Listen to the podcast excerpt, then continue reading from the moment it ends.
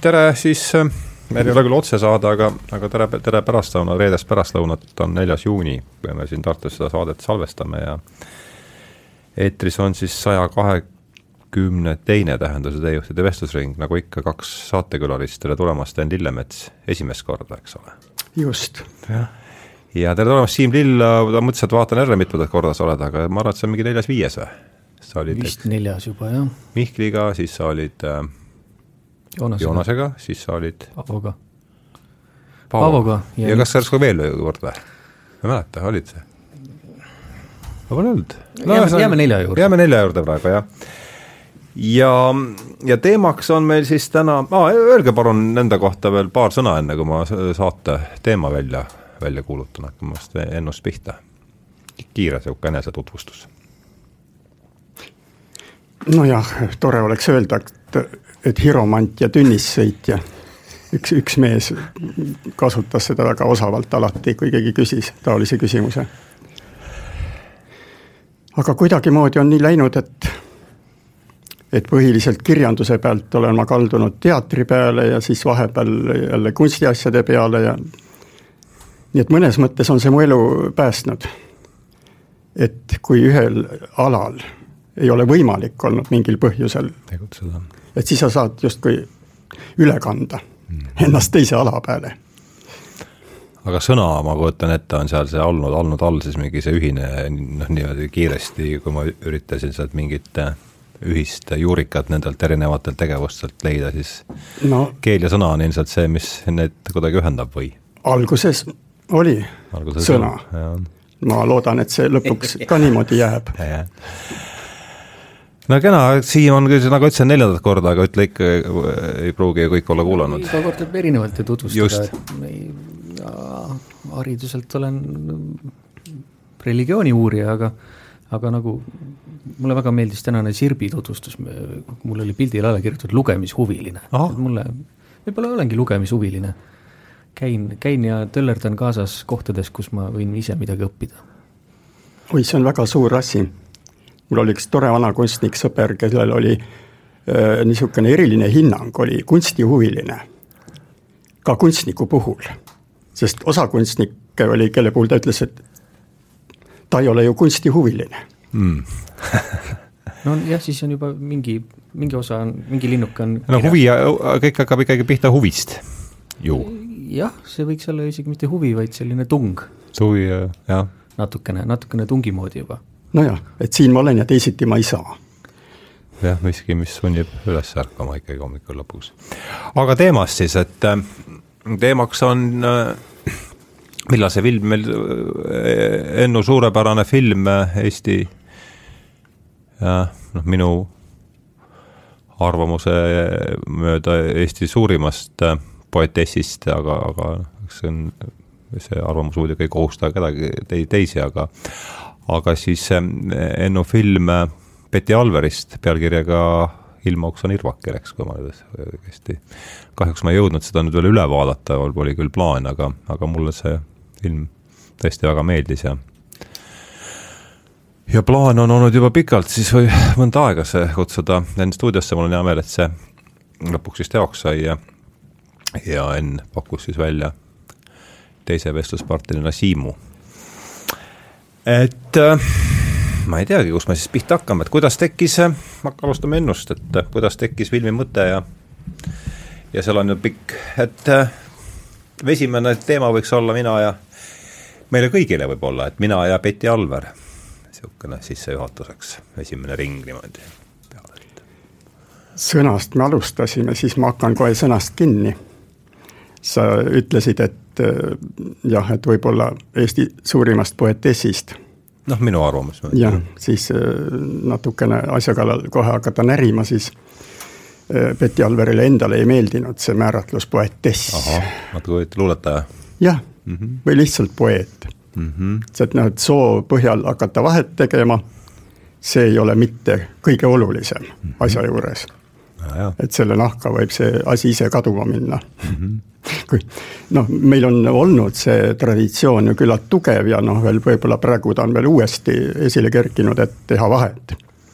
et on naisluuletajad ja on meesluuletajad ja siis mingid justkui spetsiifilised asjad, mis kuuluvad ühe või teise juurde mm. -hmm. ja no ma sain nii aru, et Petile see üldse ei istunud mm. -hmm samas ta muidugi hea meelega vahel arutas selle üle, kui oluline olnud Eesti luules naiste osa. no rahvaluulest peale juba ja puha. kuigi seal on ju ka omaette nüansid, et meeste laule ja meeste loodud asju ei ole lihtsalt säilinud. mehed surid varem ära. naised kandsid põhiliselt edasi. no jah, noh, seda teemat võib arendada. üks versioon, ma olen kuulnud, et meeste laulud on nii, nii ropud, et Urt, Urt ei julgenud neid. vot selles ma ei ole nii kindel. seda ma olen lihtsalt kuulnud, ma ei, ma ei ole nii kindel, et eh, vanasti olid naised ka kangemad et nad ka roppuses ei andnud ei mitte olla. kohta ära nii, nii kergelt no võib arvata. siis on ime, et naistelaulud on üldse säilinud. ja, ja. et üldse midagi on.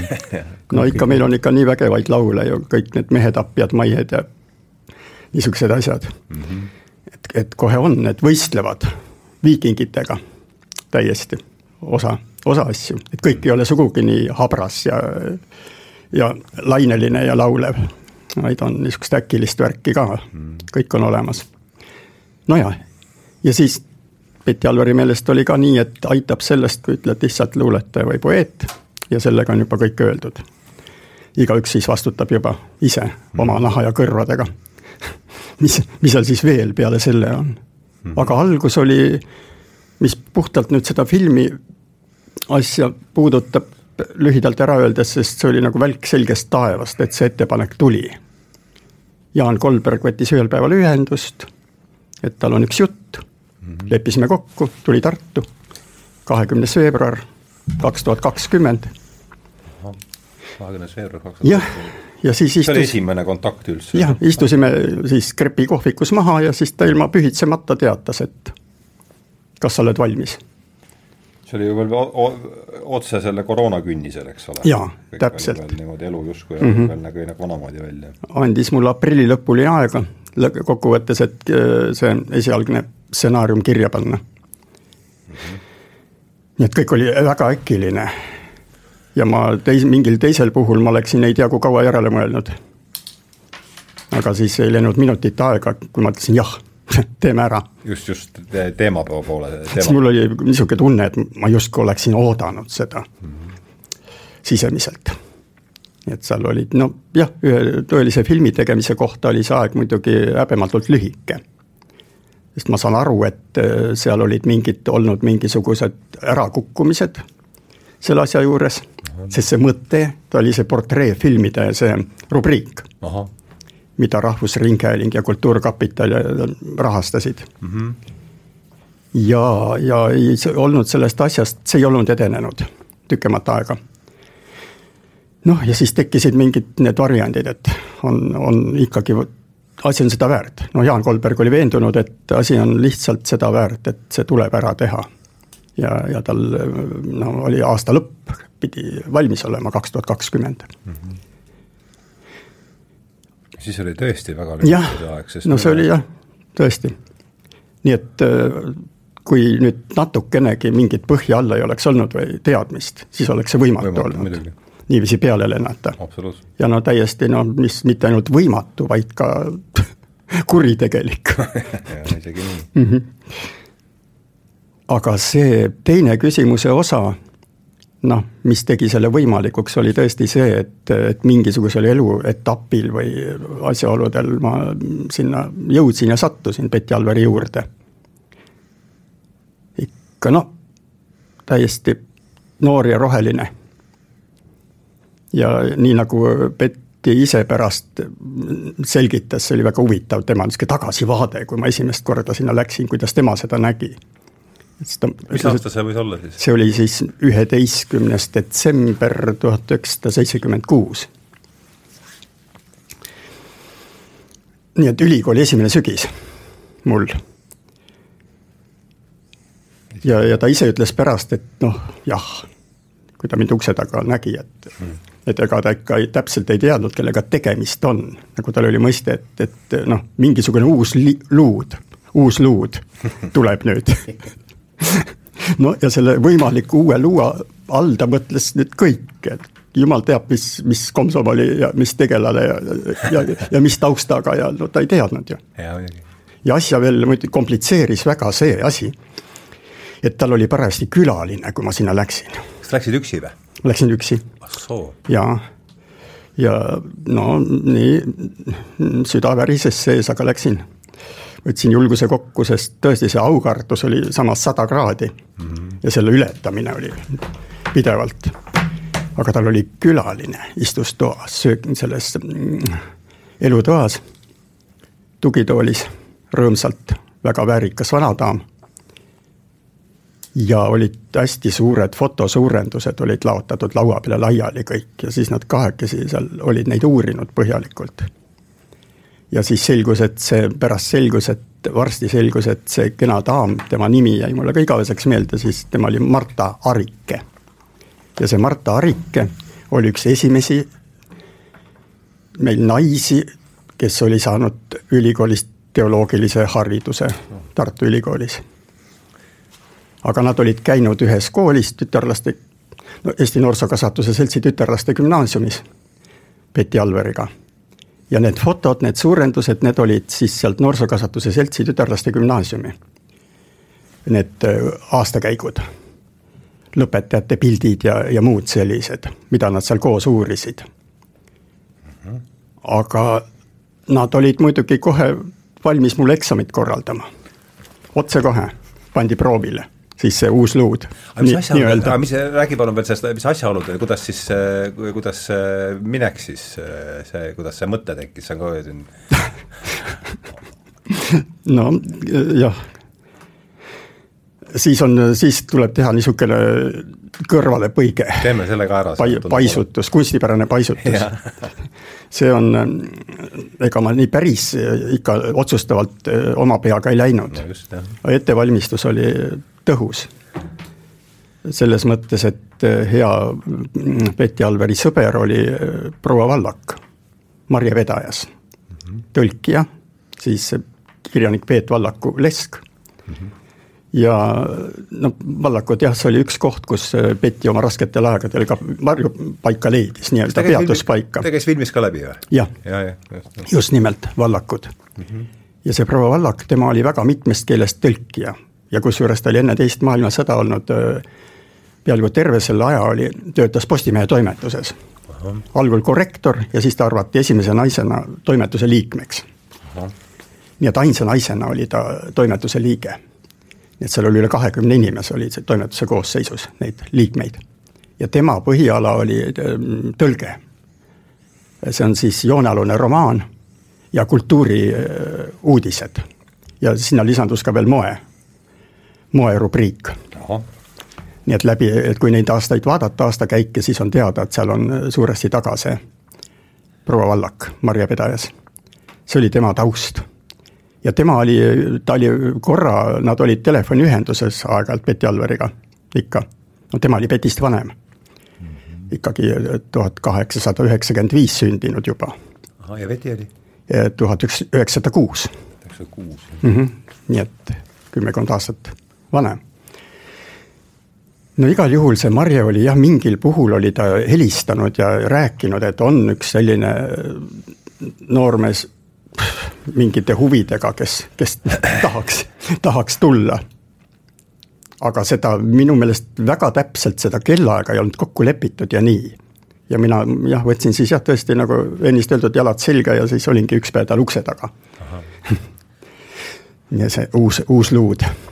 aga siis nad jah, korraldasid need daamid mulle eksami kohe mis küsimused siis olid? ja küsimus oli, põhiline küsimus, mis otsustas edasise saatuse, kogu minu edasise elu saatuse nii-öelda. et äh, need pildid, küsiti, et kas ma tunnen mõne inimese ära nende fotode pealt. vaatasin, mõtlesin, kohe tundsin ühe ära ja ega ma rohkem ei tundnudki siis. aga see üks oli otsustav, see üks oli Jaan Tõnisson. sest tema oli siis, oli Eesti Noorsookasvatuse Seltsi eesseisuse esimees tema ju oli selle kooli asutajaid ja eestikeelne tütarlaste kool ja eesseisja. ja noh, peale kõigi oma muude ametite ja vooruste ja seda ma muidugi teadsin tänu proua Vallakule Tõnissonist. kodutöö oli tehtud ja, ikkagi. sest noh, proua Vallak ju, tema rääkis ikka kogu aeg seda, ta nimetas, et šef. Kutsus šefiks Tõnissoni ja, et Tõnisson tegi seda ja tegi toda ja, ja noh, ta tuli ikka igasugustes seostes. ja siis see mm, koguteos suur. Jaan Tõnisson, see Töös ja võitluses, jah. see suur koguteos, mis Tõnissoni suureks sünnipäevaks välja anti, see oli neil vallakutel rõdu peal nii et äh, osa sellist kirjandust oli ära pandud silma alt ja oli rõdu peal, rõdul. Seal võis näha. no nii, et Tõnisson oli mul selge, olgu muuga, kuidas on. ja siis oli, siis kuidagi kõik lahenes ja meie suhtlemine, see pani asja paika. sealt hakkas asi lõhnema. ja Tõnissonist oli meil hiljemgi juttu korduvalt Betty Alveriga no ta vahel ütles, et me peaks ikka koos minema, et ma näitan sulle, kus ta elas ja seda maja ja kõike ja no nii kaugele me ei jõudnud. eks ma hiljem läksin ise muidugi vaatama. Ja siis sealt tuligi see, et ta noh, ja muidugi taust, mida tasub meeles pidada, oli see, et see oli see, see järjest süvenev, kõige hullemas mõttes Vene aeg mm,. just asi ei läinud mitte ju paremaks, vaid hullemaks kuni kaheksakümnendate keskpaigani. Brežnevit oli veel kuus aastat minna. jah, just nimelt, kogu, aeg läks see pimedusega, olime pimedusega löödud nii-öelda. ja siis, äh, aga tagantjärgi ma just mõtlen, Betty oma niisugusel delikaatsel moel, mitte ta ei olnud pealetükkiv kunagi, et ta hakkab õpetama teist inimest, vaid see oli kõik muu seas niisuguste tükkide ja kildude kaupa, mida ta kuskilt, mõne raamatu, mis ta kuskilt kapist välja tõi ja puha ja nii oli ka Tõnissoniga. niisuguste kildude kaupa. noh, ta rääkis seda, kuidas ta ise oli käinud külas Tõnissonide juures. Koos Heitiga. ta pidas väga lugu, ma saan aru. just, ja, ja Talvikute pere oli äh, nendega tihedalt seotud. no Heiti isa, professor Sigrid Talvik, arstiteadlane mm, -hmm. nemad olid noh, perekonnatuttavad, olid Tõnissonid Aha. ja Talvikud ja noh, ja ka Aino Kallas ja Oskar Kallas, Kall-, Kallaste pere. nii et see seltskond oligi olnud seekord, kui, kui Betty seal käis koos Heitiga. Aino Kallas oli Heiti ristiema. ah see käis ka vist ilmist läbi, kui ma nüüd õigesti, võis see olla või? Seda detaili ei olnud. ei olnud jah, noh, ma mõtlesin juurde. kõik üksikasjad sinna ei, ei mahtunud mm. -hmm. aga siis nad olid jah, seal ja siis mingil hetkel oli Aino Kallas siis pöördunud seltskonna poole, ah, et aga teeme nüüd niisuguse ringi, et igaüks ütleb, mis asi on luule. noh, niisugune banaalne lihtne küsimus mm, -hmm. aga kõik pidid valmis olema ka midagi ütlema. ja Betty muidugi, iseteadev noor luuletaja, tema teatas rõõmsalt, et mina küll ei tea, mis see on, see luule. aga Aino Kaldale, nagu Betty ütles, et Aino Kaldale oli hästi väga meeldinud see Betty kiire vastus aga siis nad olid jah, Tõnissonide juures ja siis äh, see, see hoiak ka, no et Tõnisson, kes niiviisi Tartu peal sirge seljaga liikus, ähm, et nad ju oma vaimses ringkonnas olid aeg-ajalt üle ja ironiseerisid ja rääkisid lugusid ja anekdoote ja nii edasi. aga et samas, mida siis Betty rõhutas, aga samas oli selle kõige taga oli sügav austus ja lugupidamine et sisemiselt peeti Tõnissonist väga lugu. hoolimata, hoolimata kriitikast või irooniast. visati nalja ikkagi ka ta üle, et ei olnud niisugune jah mm, -hmm. aga, aga see oli, et noh, rääkimata tõesti, et oli see, seda ei saa unustada, et kui me siin nüüd võib-olla tõesti ongi põhjust, et langeme kõik nii-öelda eestlased üksteisele kaela, siis seda ei saa unustada, et kolmekümnendatel oli see ikka väga selge vahe, oli see nii-öelda Pätsu värk ja Tõnissoni värk. et see oli ikka kogu aeg õhus. ja see niisuguse sirge selja iseseisva mõtlemise ja noh, selle kehastus oli ikka Tõnisson. Nii et kui üldse midagi selle ümber heietada, Tartu vaimu ümber, siis noh, see oli just suuresti tema seda kujundas mm -hmm. noh, nagu ta oli teinudki ju tõesti sajandivahetusest peale, eelmise sajandivahetusest peale et see on ka üks siis meie kultuuri polaarsusi, Päts ja Tõnisson. jah, ja see on üks, mis jääb. sest me võime, noh, ta ei ole aktuaalne alati. aga ta tuleb, tuleb mõnikord välja mm. -hmm. No nüüd ta oligi, et noh, et, et teeme need, need mõtted, mis olid, et paneme ühe kuju sisse, monumendi sisse nad kokku mm. -hmm. siis oli küll see kohe, et no kuulge, et mingi piir võiks ikka olla, et, hea küll, aga see toob mulle nüüd, see, see, see vastandipaar toob mulle teise polaarsuse meelde, mis te, te selles viimases saates, kui me koos olime, oli Douglas ja Douglas ja Enno. Et noh, lihtsalt, et kuidas see on teisel tasandil. see on teisel tasandil jah, aga, aga, aga kuidas lihtsalt äh, vestluse võlu ju selles, et saab selliseid suvalisi, suvalisi äh, ühelt, ühelt kivilt teisele hüpata, et kuidas Alver sinna vahele võiks sobida või? ta kuidagi haakub sinna praegu täiesti huvitaval kombel no see oli tõesti, nagu Siim äh, vihjas, et see on teisel tasandil, et see oli rohkem selle kirjanduse Just. sees. muidugi, jah, jah. kirjanduse sees. aga ega meil ju ei olnud lõpmata hulk siis neid luuletajaid ja tegelasi, kes ringi liikusid mm. -hmm. nii et mingid suhted tekkisid paratamatult kõigil. just, just. et nad jäid ju ette siin ja seesama Ennogi, kes nüüd Tartus otseselt ei olnud väga kaua, aga ikkagi oli ja noh, noor Douglas lihtsalt eh, noh, ilmselt oli eh, asjast üle. tema jaoks ilmselt see Enno oli niisugune unistamine ja soigumine mm. -hmm. ja tema, Douglas ajas taga mingit niisugust teravat vaimu ja niisugust sirget lõiget vahepeal. et ja siis seda, ei kannatanud seda ujumist välja. nojah, ta oskas mm -hmm. majanduslikult toimetada erinevalt ennustusest, kes, kellele see olnud mm -hmm. nii oluline, et ma ei tea. ah soo, seda, see moment ka veel, jah? nojah, Enno ikkagi mm -hmm.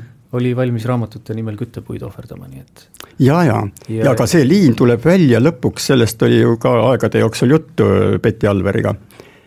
ja Douglas oli muidugi suur autoriteet tema jaoks ka. Alverile, jah? jaa, nagu, nagu Heiti jaoks, sest Heiti ju elas Douglaste juures.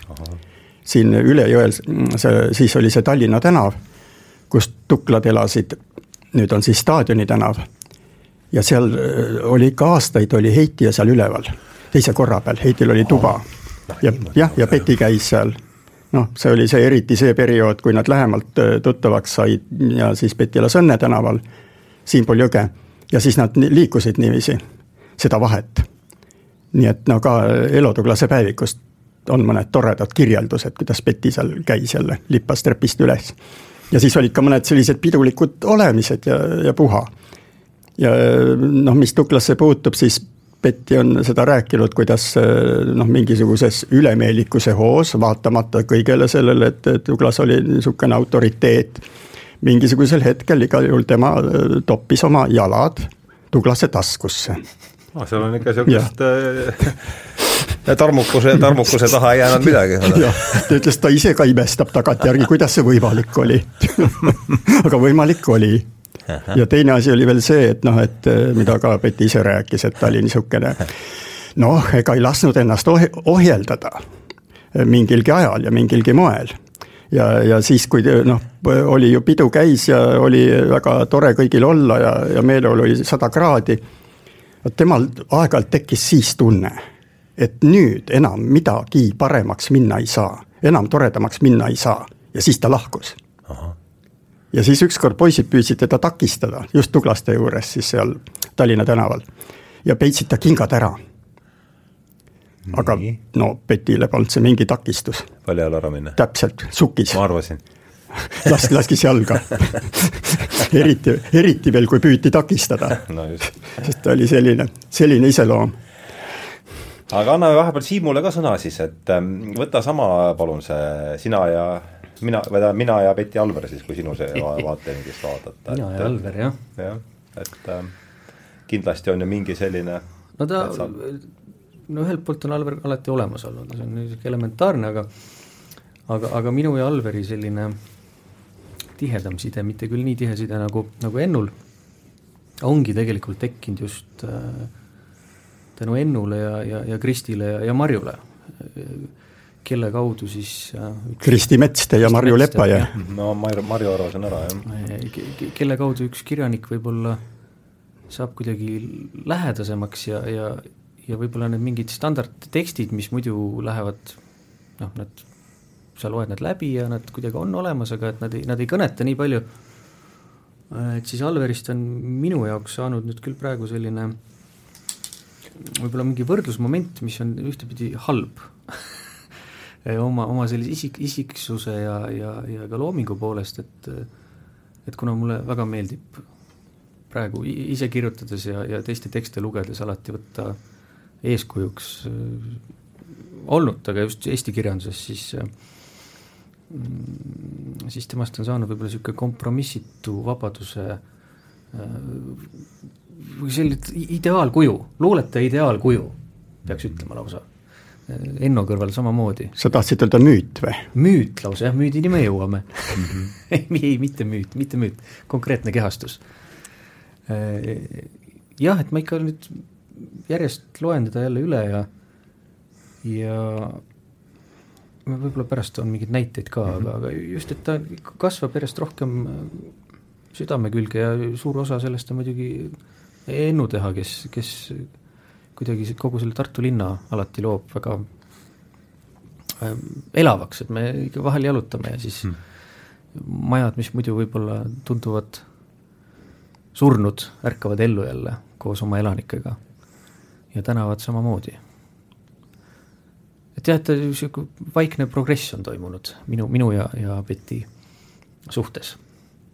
Jaa, ja enne, vot see pool lauset jäi sinna kuskile veel, et oli Douglas ja Enno, see Enno pool praegu, sest seesama arbujate seltskond kolmekümnendatel, nemad ju korjasid hoolega Enno ülesse. Korrasid üles. just nimelt, just jah, nimelt. Nad on, nad on oma olemuselt palju, et kui Erine, erinevalt siis Douglasest, no eks Douglase mõtlemine ka aja jooksul muidugi muutus.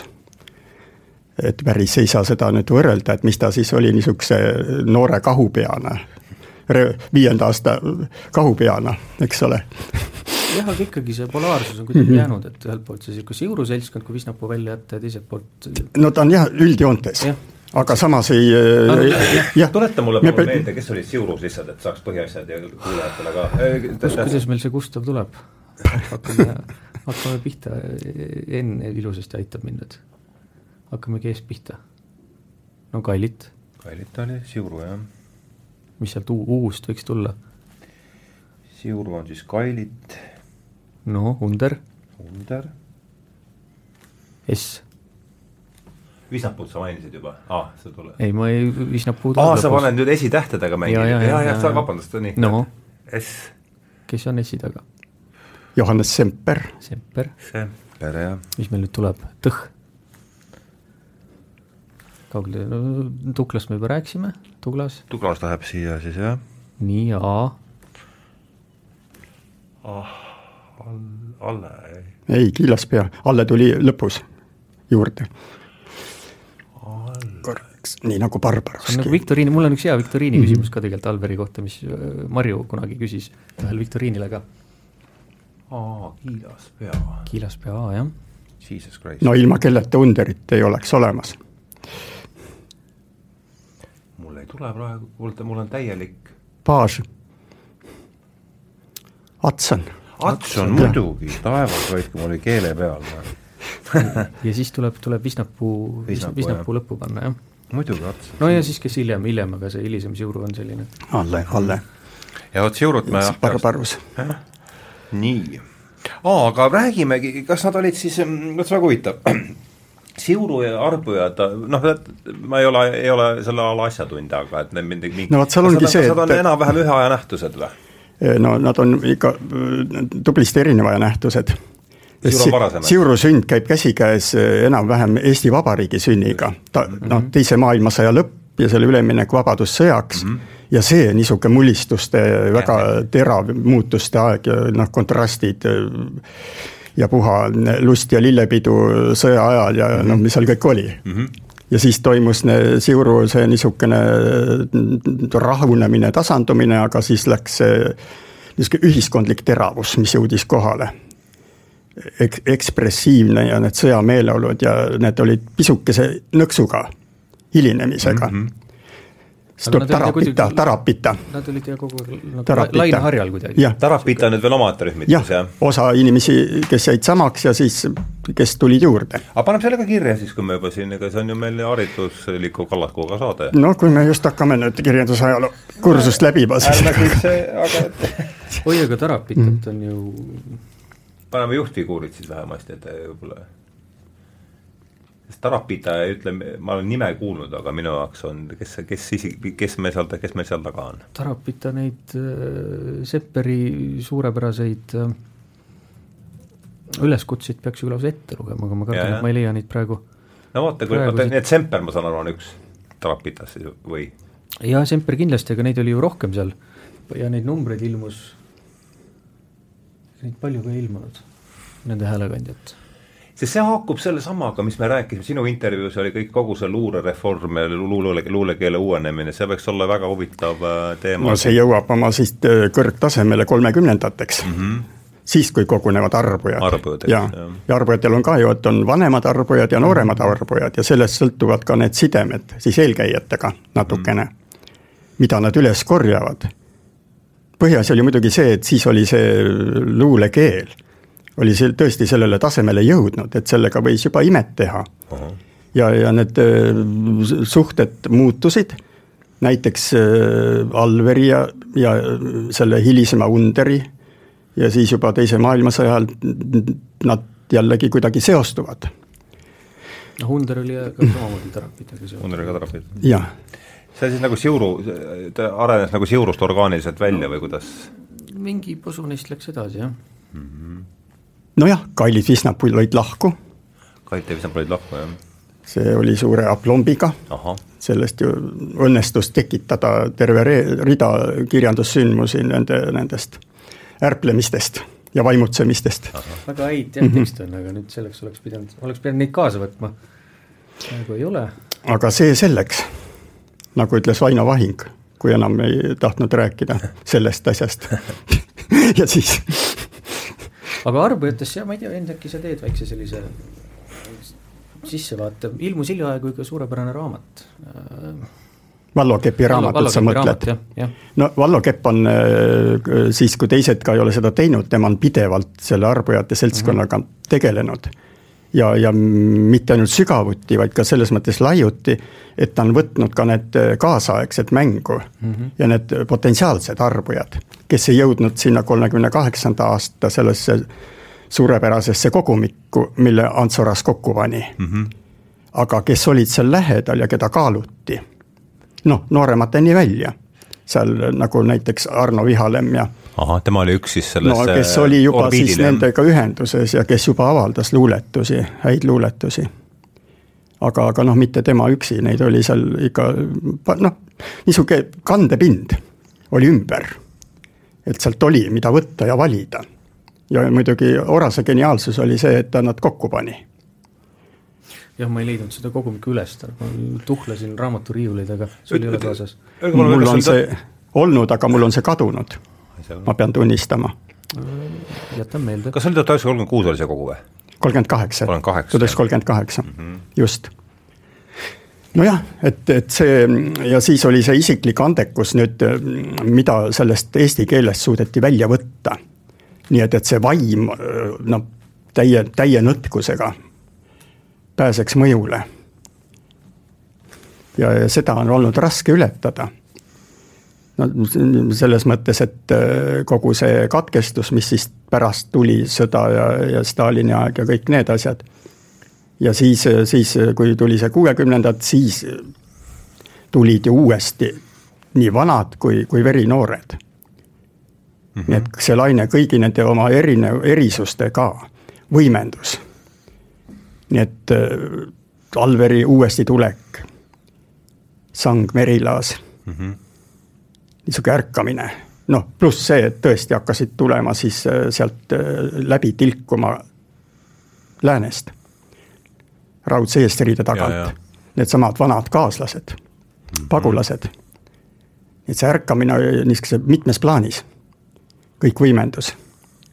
ja noh, ei olegi just, ei olegi päris õige ega kasulik neid vaadata kuidagi lahus, et nüüd tuli see noored noh, kassetiluuletajad ja nii edasi.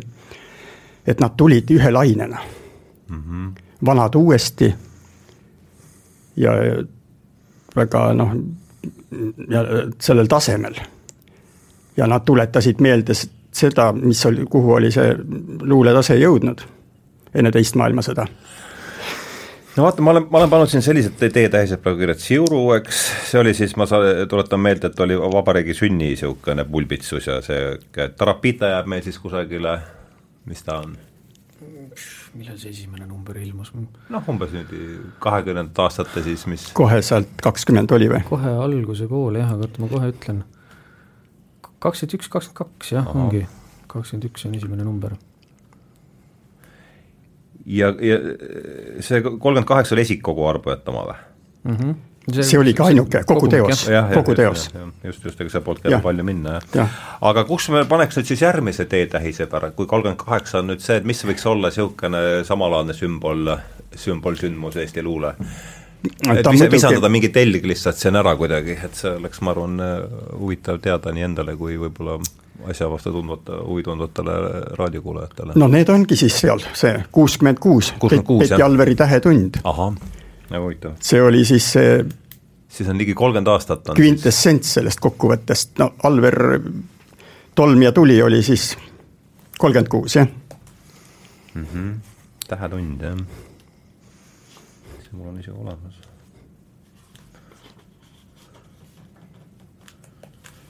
jah, jah nii et äh, tõesti täpselt kolmkümmend aastat hiljem mm -hmm. see uuesti tulemine no,. kusjuures siin on veel see nüanss on juures, et äh, ka, et äh, Tähetund ilmus ju sel aastal, kui lõppeks rehabiliteeriti Heiti Talvik. Nendest siis süüdistustest, millest ta noh, jah, süüdi ei olnud jah, me enne just Ennuga rääkisime, äkki sa tood selle raadiointervjuu asja ka välja, sest see on niisugune huvitav. jah, ja see on kõrghetk Mm -hmm. sest see oli see, kui see Tähetund ilmus, siis selles Ott Kangi, vana sõbra Ott Kangilagi kujunduses, arbujate suure sõbra, siis ähm, on kirjeldatud, kuidasmoodi rabati seda luulekogu raamatupoodides. järjekorrad olid tänaval ümber nurga. et see oli, see oli noh, see oli ikka mitu päeva käis sõda selle pärast tähetunni pärast. uskumatu. et see oli jah, siis, siis oli see võimalik, sest no kirjanduse koht lihtsalt oli selline ja kirjanikke, et nad olid keskpunktis või seda kandsid justkui meie seda olemasolu mõtet, nii lühidalt öeldes, laiemalt kui ainult omavahel. vaid see oli ikka väga paljudele tähtis jah, ja siis on ähm,, Pitti Alver sai siis ju kuuskümmend. Ja nüüd selle filmi tegemise käigus sattus ette üks pisike fragment ilmselt omaaegsest päevakajast. ta ju naljalt ei, eriti siis veel, ei äh, olnud nõus äh, midagi kunagi linti rääkima ega ütlema aga siis nad tulid, Kirjanike Liidu esindajad külastasid teda selle sünnipäeva puhul. Ja ma arvan, et see oli täp-, seesama kord, Betty näitas seda, et tal oli kirjutuslaua taga elutoas, oli ilmatu suur pärsiavaip, rulli keeratud, mitte iialgi kasutatud. ja selle oli siis talle suureks sünnipäevaks Kirjanike Liit kinkinud. ja siis Betty ütles, et seal see on ja siis ähm, tulid siis Juhan Smuul ja Debora Vaarandi ja, ja August Sangja, kes tulid tervitama. Ja siis on tehtud see väike raadiointervjuu, mis on säilinud imekombel. ja seal on siis Vaarandi räägib niiviisi natuke pikemalt, et kui ikkagi, kui suur asi see oli nüüd, et suurluuletaja oli nõus meid täna üldse vastu võtma ja nii edasi ja puha ja. ja siis ähm, sang natuke sisulisemalt ja siis neil õnnestus saada umbes kaks lauset kätte ka Betty Alveri käest. Ja, ja, ja, ja Betty ütleb niiviisi, et, et noh, jah, et nagu umbes nii, et nagu luuletaja nüüd ise või tema ise on kirjutanud, et ma olen saapaid saaginud ja kindaid keetnud ja teinud hullematki veel. ja kogu lugu. Ja ta tsiteerib iseennast, oma luuletust Uuskülaline, mis polnud siis veel ilmunud. aga mis on siis peale seda Tähetundi kirjutatud kohe. nii et ta võtab jah, sellega kokku väga palju. nii et need sõnad siis kõlasid Eesti Raadios. see oli kõik, jah? ja see on jah, jah, see võtab nii väga lühidalt kokku selle, mis on olnud. aga see ei kadunud mitte kuskile. siin just ennist äh, Siimuga rääkisimegi, et kui on selline noh, justkui mingi tippu tõusmine või mäehari, see ühtlasi toob ka selle uuesti esile, et kuristik ei kao kuskile seal kõrval ja on seda sügavam mm. -hmm. ja siis ongi, et peale tähetundi, peale seda nii-öelda seda apoteoosi, ilmuvad tal mõned veel kõige valusamad luuletused. mis on siis otseselt, võiks öelda, noh, seotud ka Heiti Talviku saatusega. et see kuristik oli kogu aeg. aga ta ei rääkinud sellest otse naljalt. see, see niisugune avatum rääkimine, et neist asjust tuli alles hoopis hiljem, elu lõpuaastatel. Oli võib-olla noh, paar lähedast sõpra, paar inimest, kellega nad Heitist rääkisid. lihtsalt, et see oli nii valus. ta ei, mingil moel ei tahtnud sellega laiutada. ja seal see uus külaline, see pikem luuletus, mida ta siis ise tsiteeris see on veel noh, tähenduslik, sest sinna on tal peidetud üks rida, kursiivi toodud küll. meie süda on kui kannel meie süda on kui kannel ja see on üks, üks Heiti jah, viimastest ridadest. ja, ja noh. mis mängib kahel keelel. täpselt ja neid oli väga vähe, see üks rida on seal sees ja neid oli ju väga vähe, kes siis selle ära jagasid mm. -hmm. et see on otse, see on Heiti seal, jah, just, just see, et midagi pole unustatud. kõik on, kõik on olemas minu jaoks oli ka selle filmi üks kõige liigutavamaid kohti oli seesama, mille, mis ajast see tuli, kui ta rääkis sellest äh, koralli tema ju, oli see koralli tema ju seal, eks ole, see, kus ta selle käe viskas sinna. see on, see on siis väga, väga liigutav. kaheksakümmend kuus koralli tema ees, see kogu.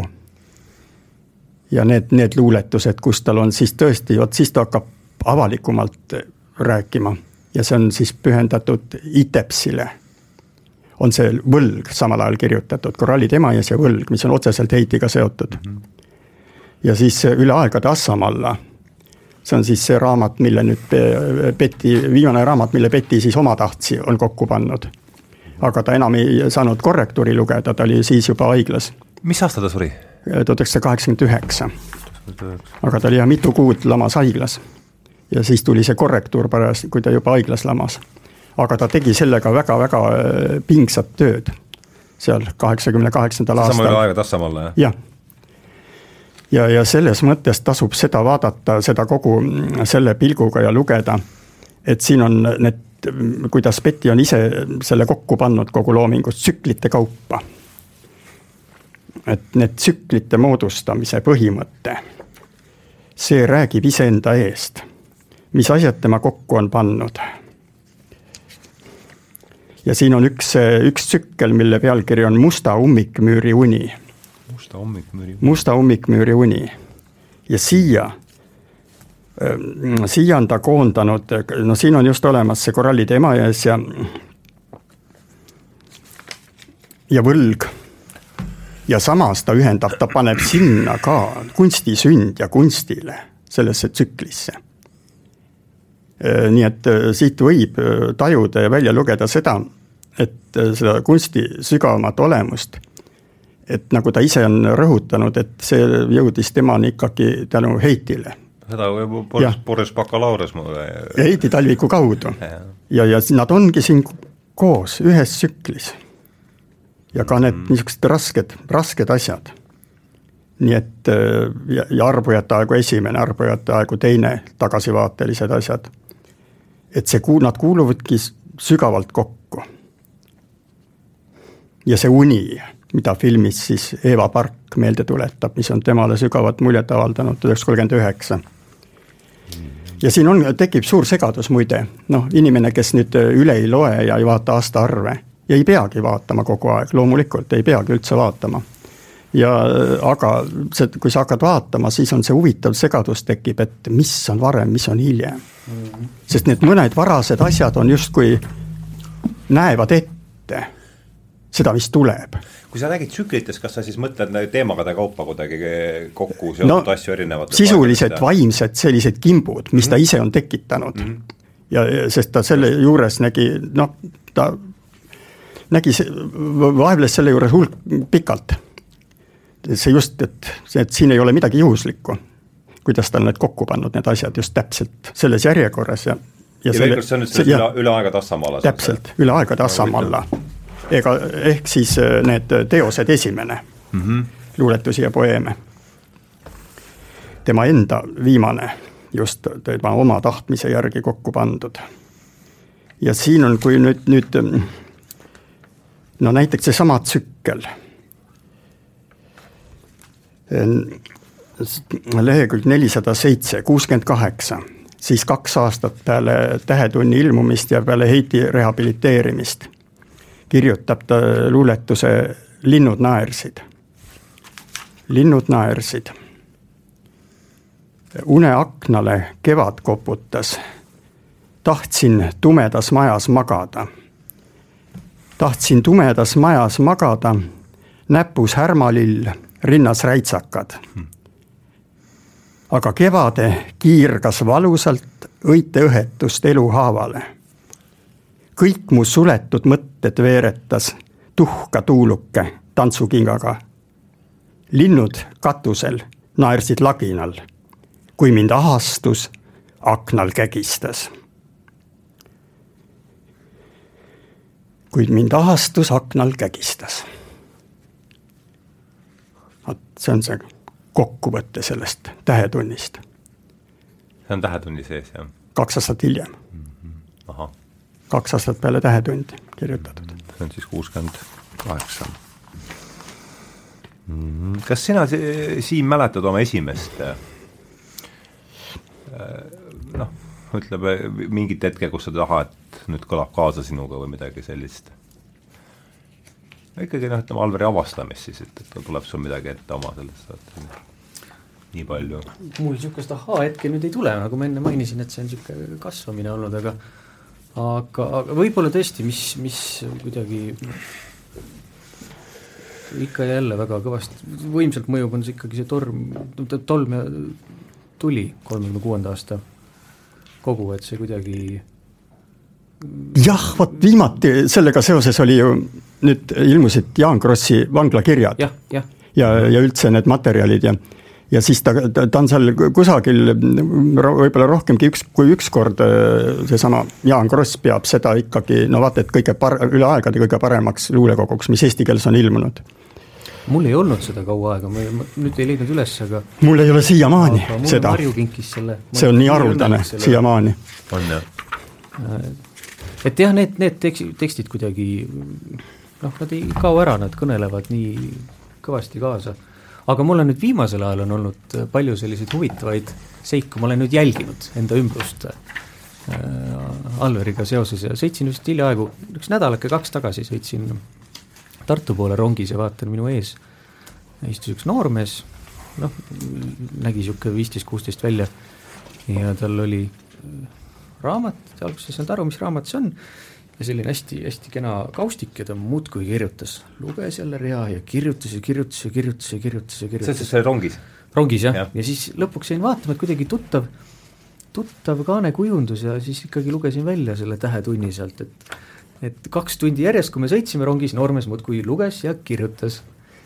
ja, ja natuke aega enne seda ma kuidagi tuli Alveri jutuks ühes Tartu lokaalis öösel kell kaks-kolm ja ja, ja täiesti ootamatult äh, samas seltskonnas istunud üks arst, ma ei mäleta, kas ta oli kirurg või kes ta oli äh,, ääretult kaasahaaravalt rääkis siis äh, Peti, Peti ja, ja Talviku neid suuri müüte. Neid suuri müüte, müütideni me kohe jõuame aga et, et ühesõnaga, et see on selline, et on mingid asjad, mis, mis kuidagi mm, ei, ei ole palju neid kirjanikke enam jäänud, kelle, kelle tekstid ja, ja lood kuidagi äh, püsivad ja jäävad ja, ja on natuke laiemalt ka väljaspool seda, selliseid kirjandusringkondi, kus nagunii au sees peetakse, aga mm -hmm.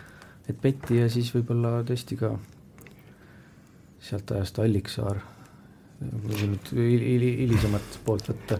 Nad elasid ju muuhulgas lähestikku, Artur Alliksaar ja Betty Alver. kuidas nemad omavahel klappisid? Neil oli, no nad liikusid ju ühes ruumis selles väikses Tartu linnas.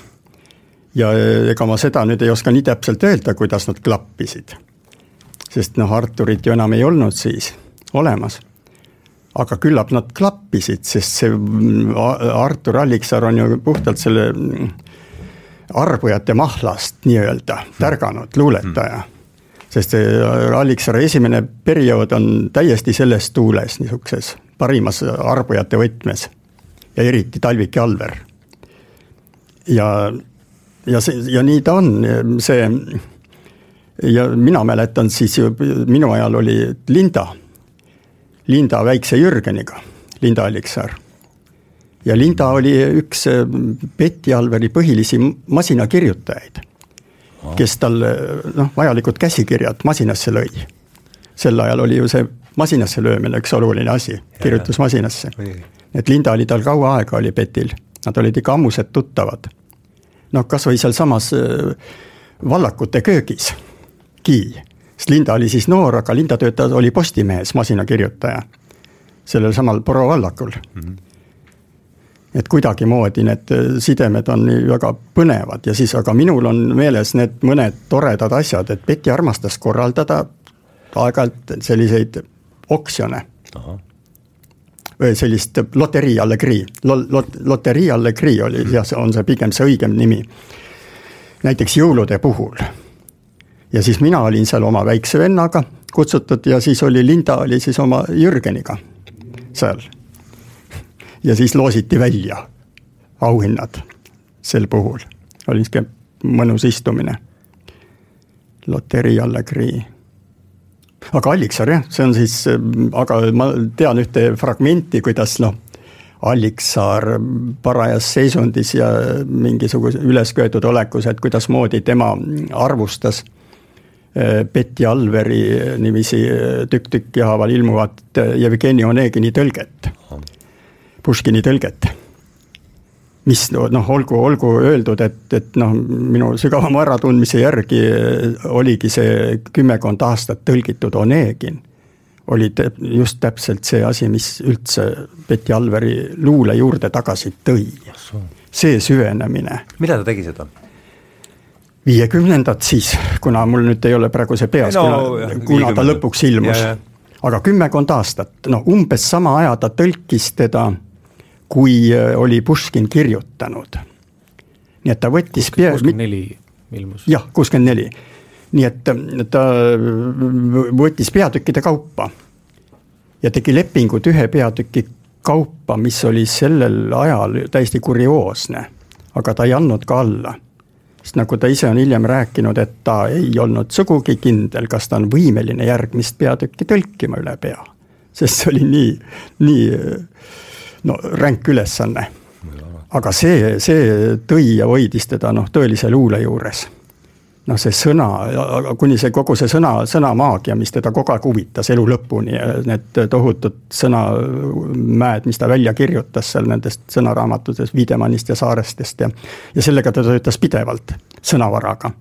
noh, see oli see, mis hoidis, see oli see trenn, ajutrenn ja luule, luuletaja trenn ja, ja Alliksaarega, jah, ja see Artur Alliksaar sealsamas Vallakute köögis. siis luges äh, seda originaali ja luges siis äh, Betty Alveri tõlkeid ja siis noh, arvustas, et kuidas tegelikult oleks võinud seda või teist kohta tõlkida veel paremini ja niimoodi no see, seal muidugi siis seltskonnas Betty Tedast ei olnud aga nad liikusid ju erinevates sfäärides. aga see teadmine üksteise olemasolust oli kogu aeg õhus no ja samal ajal võtame sinna näiteks kolmanda suurusega juurde kindlasti Uku Masingu mm, -hmm. kes oli ka sealsamas Tähtveres käe-jala juures. otseselt, isiklikult nad väga harva puutusid Betty Alveriga kokku. aga see niisugune vaimne sügav lugupidamine, arvestamine, huvi tundmine teise käekäigu vastu oli kogu aeg. ka ühiste tuttavate kaudu, nende kaudu, kes liikusid, noh ja suhtlesid kõigiga neist. Nii et need, see oli see toimiv selline, need olid need no niisugused äh, mastid selles ruumis, mis suletud, suletud äh,, väliselt suletud ruumis linnas siin tahtsid vahele öelda? ei, et see on asi, mis nagu üldse kipub sageli ära ununema, et, et see ühelt poolt see ruum, ruum ja teiselt poolt ka need loetud raamatud, mida, mida vahetati. vahetati ja, ja, ja saadeti et see mm -hmm. meil on see, see toimis kogu aeg. ühelt poolt on niisugune kirjandusõpiku mm -hmm. lugu, mis ja. alati kuidagi niisugune üheplaaniline ja et võib-olla sealt ei tekigi seda no alati on muidugi need ohud, neid tasub, alati tasub ettevaatlik olla ju ikkagi, kui sa lähed nende isiklike asjade peale. ja, ja noh, eriti on see, kui luule puhul, et hakata mingeid otseseid seoseid tooma. et see on, see on niisugune kraadi küsimus mm -hmm. kogu aeg et, et seda äratundmist, seda tasub, noh, tasub olla ettevaatlik. sest see oli, see ongi see kraadi küsimus, noh, Betty Alver ise, ta, ta, teda, no ta ei olnud rahul tihtipeale, kui ta luges, ta luges väga palju, haaras kõiki no loomingu inimeste kunstnike biograafiad. ja väga harva oli, kui noh, mõni talle tõeliselt korda läks, kui, kui ei olnud asi odavaks mängitud mm. -hmm kui, kui ja, ja ka just see traagika, mida on just kerge odavaks mängida mm. -hmm. aga kui see traagika jäi kandma sisuliselt ja siis oligi üks suur paks kirjandusajalugu, ta oli sellest lugenud saksa keeles, Tragische Literaturgeschichte mm. ja see suur äh, Tragische Literaturgeschichte, tal tekkis kinnisidee Betty Alveril, et, et ku, kuidas saaks ometi selle raamatu kätte mm no just see, see erutas teda just selle kandi pealt kirjandusajalugu. ja ta saigi lõpuks selle raamatu kätte. Ja see, see tore inimene, kes talle ta ära tõi Soomest, Soome kaudu, oli, oli Eeva Lille. kes, kes tassis kirju ja raamatuid ja kohvipakke loendamatul hulgal Eesti inimestele aastaid. Eeva sai just äsja kaheksakümmend ja vot Eva oli nii, et, et kuidagi ta oma mingisuguse huumorimeelega, nad väga hästi klappisid Petiga kohe. nii et tema vedas Peti juurde, no noh, see, see on ka, see on nüüd, kui noh, jällegi müüt, sõna müüt meelde tuletada, siis üks müüt on ju see, et, et Peti juurde oli väga raske pääseda ja ja nii edasi ja, ja noh, ta ei võtnud kedagi vastu ja nii edasi ja aga kui sa vaatad natukenegi, kui palju rahvast sealt läbi vooris siis tekib küsimus, et kuna ta siis üldse veel luges või mõni luuletuse kirjutas, eks ole et mitu nahka me sealt siis saame, tahame saada korraga. aga Eeval, Eeval jaoks olid uksed lahti. Eeva teatas, et tema tuleb nüüd kümne Soome kirjanikuga. ja tuligi ja võeti vastu. kõik ja puha ja mitu tundi arutati asja ja, ja see, seda, niisuguseid asju juhtus rohkem kui üks kord üks tore asi on, et vaene Minni Nurme, kes vahendas. Minni, kes oli, noh, Betty oli selline no niisuguse tugeva energiaga, teab, mis tahab ja on ja ja, ja Minni tundus niisugune seal kõrval niisugune nagu üks habras selline moodustis. kes ei, kes ei noh, kes on niisugune ebakindel, kuigi tal oli oma sügavam sitkus sees.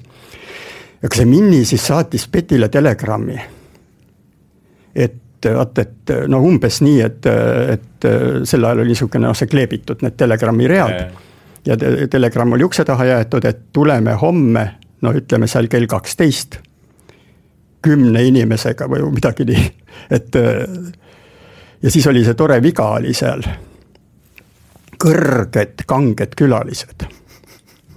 Või midagi, nii, nii midagi sellist. no ühesõnaga kauge tasemel olid kanged, kanged, kanged külalised. Petile tegi see muidugi parajalt nalja. võib-olla see täheviga saigi otsustavaks, et ta oli nad nõus vastu võtma.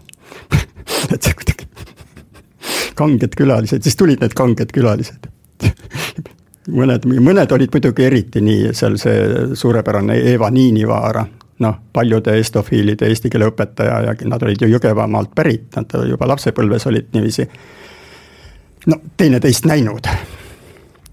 selle Eva Niini, Eva oli noh, kui tema tuli siis või mingid Soome külalised, siis noh, Peti küsis kohe, et kohe, aga kas, kas Evat ei olegi, Eva Niinivaarat? Tema oli siis justkui kõigi see esiema.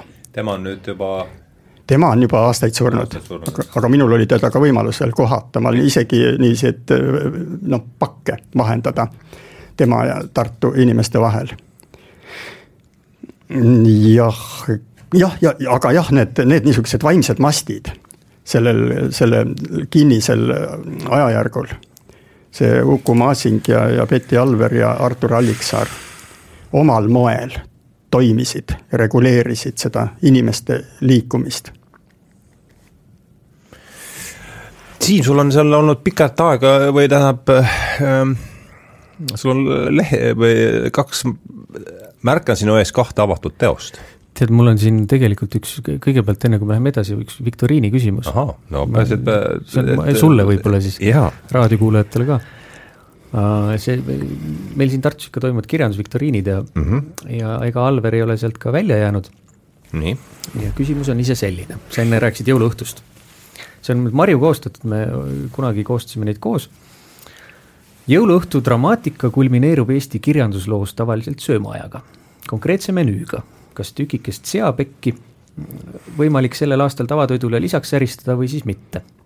selles väljenduvad kõik suhted lopsakamad jõulueined seonduvad enamasti tõusikute ja vürtspoodnikega. siiski leidub Eesti kirjanduses üks silmatorkavalt mitmekesise menüüga dinee, mille komponendid on järgmised. piskuga rahulolemise puder, filosoofide ja puupääde ihuroog, maitse tuim ja maotu kui puupuru, toime vajadus välja sülitada.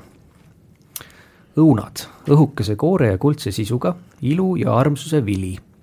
maitse, kärjemeena magus mahl, toime jälestus, sest hammustatud kohas ilmnes kohe must mädakude, kust puges välja lihavuss.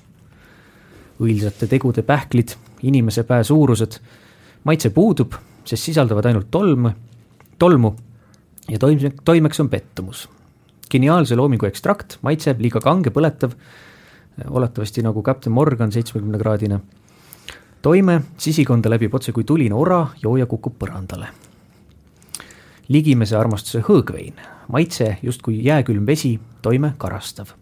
lisaks hüljatud kiremarjad õhetavad suus piprana, õnnelikkude kiindumuste kõdrad sisaldavad toksiine, toksiine, põhjustavad peavalu, praktilise elukäsitluse konservid lehkavad halvaks läinud lihana, abstraktsuse jäätis, külm, tekitab hambavalu ja iroonilise skepsise leib. Hmm.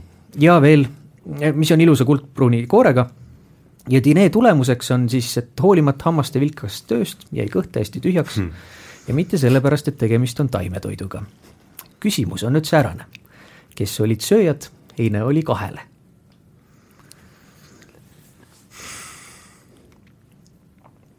mina jään äh, vastuse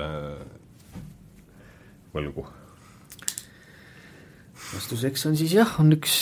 Tine saatana juures. Tine saatana juures jah ja., see on äh, viletsuse komöödiast, mille pealkirja ma suutsin hiljaaegu äh, freudistliku äh, komistusena, ma ei mäleta isegi, kuidas sõnastada no midagi Inim, inimelu tragöödia, midagi taolist seal oli jah, midagi taolist seal oli. ja teiseks siis võib lugeda mm, -hmm. Marju on siin öelnud, et on Tartu noorkirjanik mis sobib väga hästi. jah, Tiine saatana juures, see on see, et muide oli no selle filmiga seoses. ilmauks on irvakil mm, -hmm. kõik on kuskil võimalik, läheb seal niiviisi edasi. nojah, vot see irvakil sõna oli, mis mind sidus väga-väga mm. -hmm. just nimelt, et seal on ju juures see, et et irvakil poik veel, eks ole mm, -hmm. natuke lahti on uks aga see, see irvitamise asi on ka sealjuures, irvakil mm. -hmm. et see poik veel üks, ta irvitab su üle, et ära sa arva, et see on ainult mingi ühene. väga tore, et on, tead, uks läheb lahti. sa ei tea iialgi, mis pagana asi su üle seal irvitab mm. -hmm. või nagu, nagu Peti Alver armastas vahel öelda, et et, et see on hull, kui asi läheb liiga lilleliseks ja magusaks kätte. et mingisugused kuradikesed peavad ka siin olema kuskil kukla taga. Siis ta näitaski ise niiviisi sõrmedega aga see on jah üks ääretult äh, kirjeldusena on väga-väga no, võimas koht. ja noh, et niiviisi sukelduses sealt sellest saatani dinee juurest sügavasse argiellu, siis äh, Betty Alver küpsetas ise suurepäraseid õunakooke. miniatuurseid ja selliseid väga-väga, no ta oli üldse armasta, armastas lihtsalt teha selliseid väga maitsvaid peeni asju. ja siis oli veel, no mis sellesse puutub, siis tuleb kohe jälle Heiti juurde tagasi minnes, vahel ta lubas endale sellist lõbu, kui tal oli mõni tore külaline. noh, ta pakkus talle pitsi konjakit ja, ja head kohvi ja siis äh, šokolaadi ja no suitsu veel, kui oli külaline, kes tõmbas suitsu ja siis vaatas teda niiviisi imetleva pilguga ja teatas, et vot, see oleks Heitile meeldinud. Mm.. suit, šokolaad, hääkohv ja pits konjakit tekitas mm. sellise Heiti tunde. Mm.. No, nii et see tuli, vot niisugustes elulistes asjades see tuli välja mm. -hmm. ja, ja no paratamatult ta jäigi siis meelde hmm.. aga mis puutub sellesse jah, et eh, nagu oli ennist ka juttu, et ta ei ole et, et tal oli täiesti võõras selline dotseeriv olek või mingisugune juht ja õpetaja ja puha, kas muuseas kõik need asjad käisid. et mingil hetkel võttis ta kuskilt eh, kapist välja ähm, Žolženitsõni üks päev Ivan Denissovitši elust ja noh, sel ajal oli ju, siis oli juba, see oli, Solženitsõn oli juba täiesti läinud ja põlu all ja, ja see raamat oli juba ära korjatud. ja siis küsis mu käest. see tuli selle vahepealse sulaaeg ja siis pandi ta jälle kinni või? Äh, ta, siis oli järjest, nad läksid mm, -hmm. kõik, Solženitsõn, äh, Viktor Nekarassov, äh, Aksjonov, riburadam, Vladimov, riburadamisi ja ennem nad, Loomingu Raamatukogu oli meil ju nii äge nähtus -hmm. et nad jõudsid ära ilmutada ja siis tek-, siis oli jälle hilja, siis oli ja mõnikord nagu on äh, Lempe Hiidel on jutustanud värvikalt neid mälestusi, kui ta, no üks Loomingu Raamatukogu tõl-, tõlkijaid, toimetajaid, et kuidasmoodi nad jooksid ajaga võidu mõnikord, no mingi Kumu oli. keelatakse? jah, ja see oli haruldane asi Loomingu Raamatukogu nagu liidu piires, et ta oli ajakirja vorm, mis tähendas, et sai tegutseda operatiivsemalt, sest raamatu ilmumistsükkel oli ju väga pikk. siis võis sada asja juhtuda, enne kui, kui raamat, noh raamatut oli võimalik kinni panna veel väga palju kordi. ja muuseas, esimene Betty Alveri raamatukogu, raamatukogu ilmunud asi oli ju peale sõda, mis oli tuhat üheksasada kuuskümmend kaks, Mõrane peegel. tuhat üheksasada kuuskümmend kaks, sõja järel, esimene pääsuke nii-öelda. ja selle muide tolle kaane joonise tegi ka Ott Kangilaski vana sõber. ma just tahtsin, tahtsin mm, -hmm. tahtsin jõuda selleni, et äkki sa natukene räägiksid sellest ka, sellepärast et see, nende kogude see üks suur osa ongi just ja üldse tema teoste juures on sageli see Ott Kangilaski ääretult kaasa arvavad illustratsioonid. jah, noh just see, see sarnane niisugune vaimsus ja mm, -hmm. ja huumorimeel just, mis, mis neid sidus ja, ja see Ott Kangilaski oli ka hiljem, ta oli, ma sain aru, just väga oodatud sellepärast Betty Alveri juurde. noh, ta tegi veel Elu helbed, kui, kujundas ka hiljem. jah, Elu helbed on sama. see on ka tema. elu helbed, mis aasta see oli? Eh, kuu seitsekümmend, noh ütle nüüd, see. mul on siin kuskil see nimekiri ees. seitsekümmend üks. Mhm, seitsekümmend üks jah, seitsekümmend üks oh jaa, ja siis vot ennist, eks ole, et ta läheb, võtab kapist selle Solženitsõni, otsib välja äkki, küsib mu käest. Enn, kas te olete seda lugenud, seda raamatut? ei ole, ei ole. ja siis no aga üks, noh, üks inimene igal juhul peab seda lugema. ja siis ta andis mulle selle kaasa tookord, et ülikooli ajal ja siis et noh, et jah, et no tõesti, et üks inimene ei saa olla nii, et ta ei ole seda lugenud. ja, ja siis oli, tuli meil jutuks seal, et, et noh, et, et siis, et panne, pange siis tähele, kui loete ka, et seal on see eestlane, Susi nimeline mm. -hmm kellele, kellele Solženitsõn igavesti tänulik oli. leidis ühe niisuguse, no seal vanglas ühe sellise intelligentsi mehe. Noh, sellele järgnes ju see jah, lõpuks, et ta siin oma seda Gulagi arhipelaagi kirjutas siin Eestimaal nende suside kodus. aga jah, nii, nii see tuli äkki, see mõni raamat ja siis see Dine saatana juurest, viletsuse komöödia see on ju nii naljakas, kui see ei ole, sealt tuleb mängu kõik see vene kirjanduse rida. Äh, Bulgakovini. just, mul esimesena nagu ja. Nii vähe, kui mina sellest tean. mis oli ju mustad, mustad kassid ja, ja kõik on siin kõik on seal olemas, olemas., see on, see on naljakas, aga no see on ju enne, enne kõike õnnetust ja õnne juba see viletsuse komöödia ilmunud. mis aasta see on? kolmkümmend viis vist või? palju? oli kolmkümmend, kolmkümmend viis pakuks aa, see on nüüd enne Arbujaid siis veel? kolmkümmend viis, jah. ja enne tolmu ja tuld. jah mm. -hmm. just vahetult. Ma tahtsin siit mm -hmm. ühe koha veel ette lugeda, mis mind on jäänud kummitama või mis kuidagi ja, ja muuseas noh, see oli ka üks Betty äh, Alveri lemmikraamatuid, see Bulgakovi Meister ja Margarita. sest ta ise ütles, et niiviisi nimetas, et noh, et me te korraldasime, ta ütles sümpoosiumi.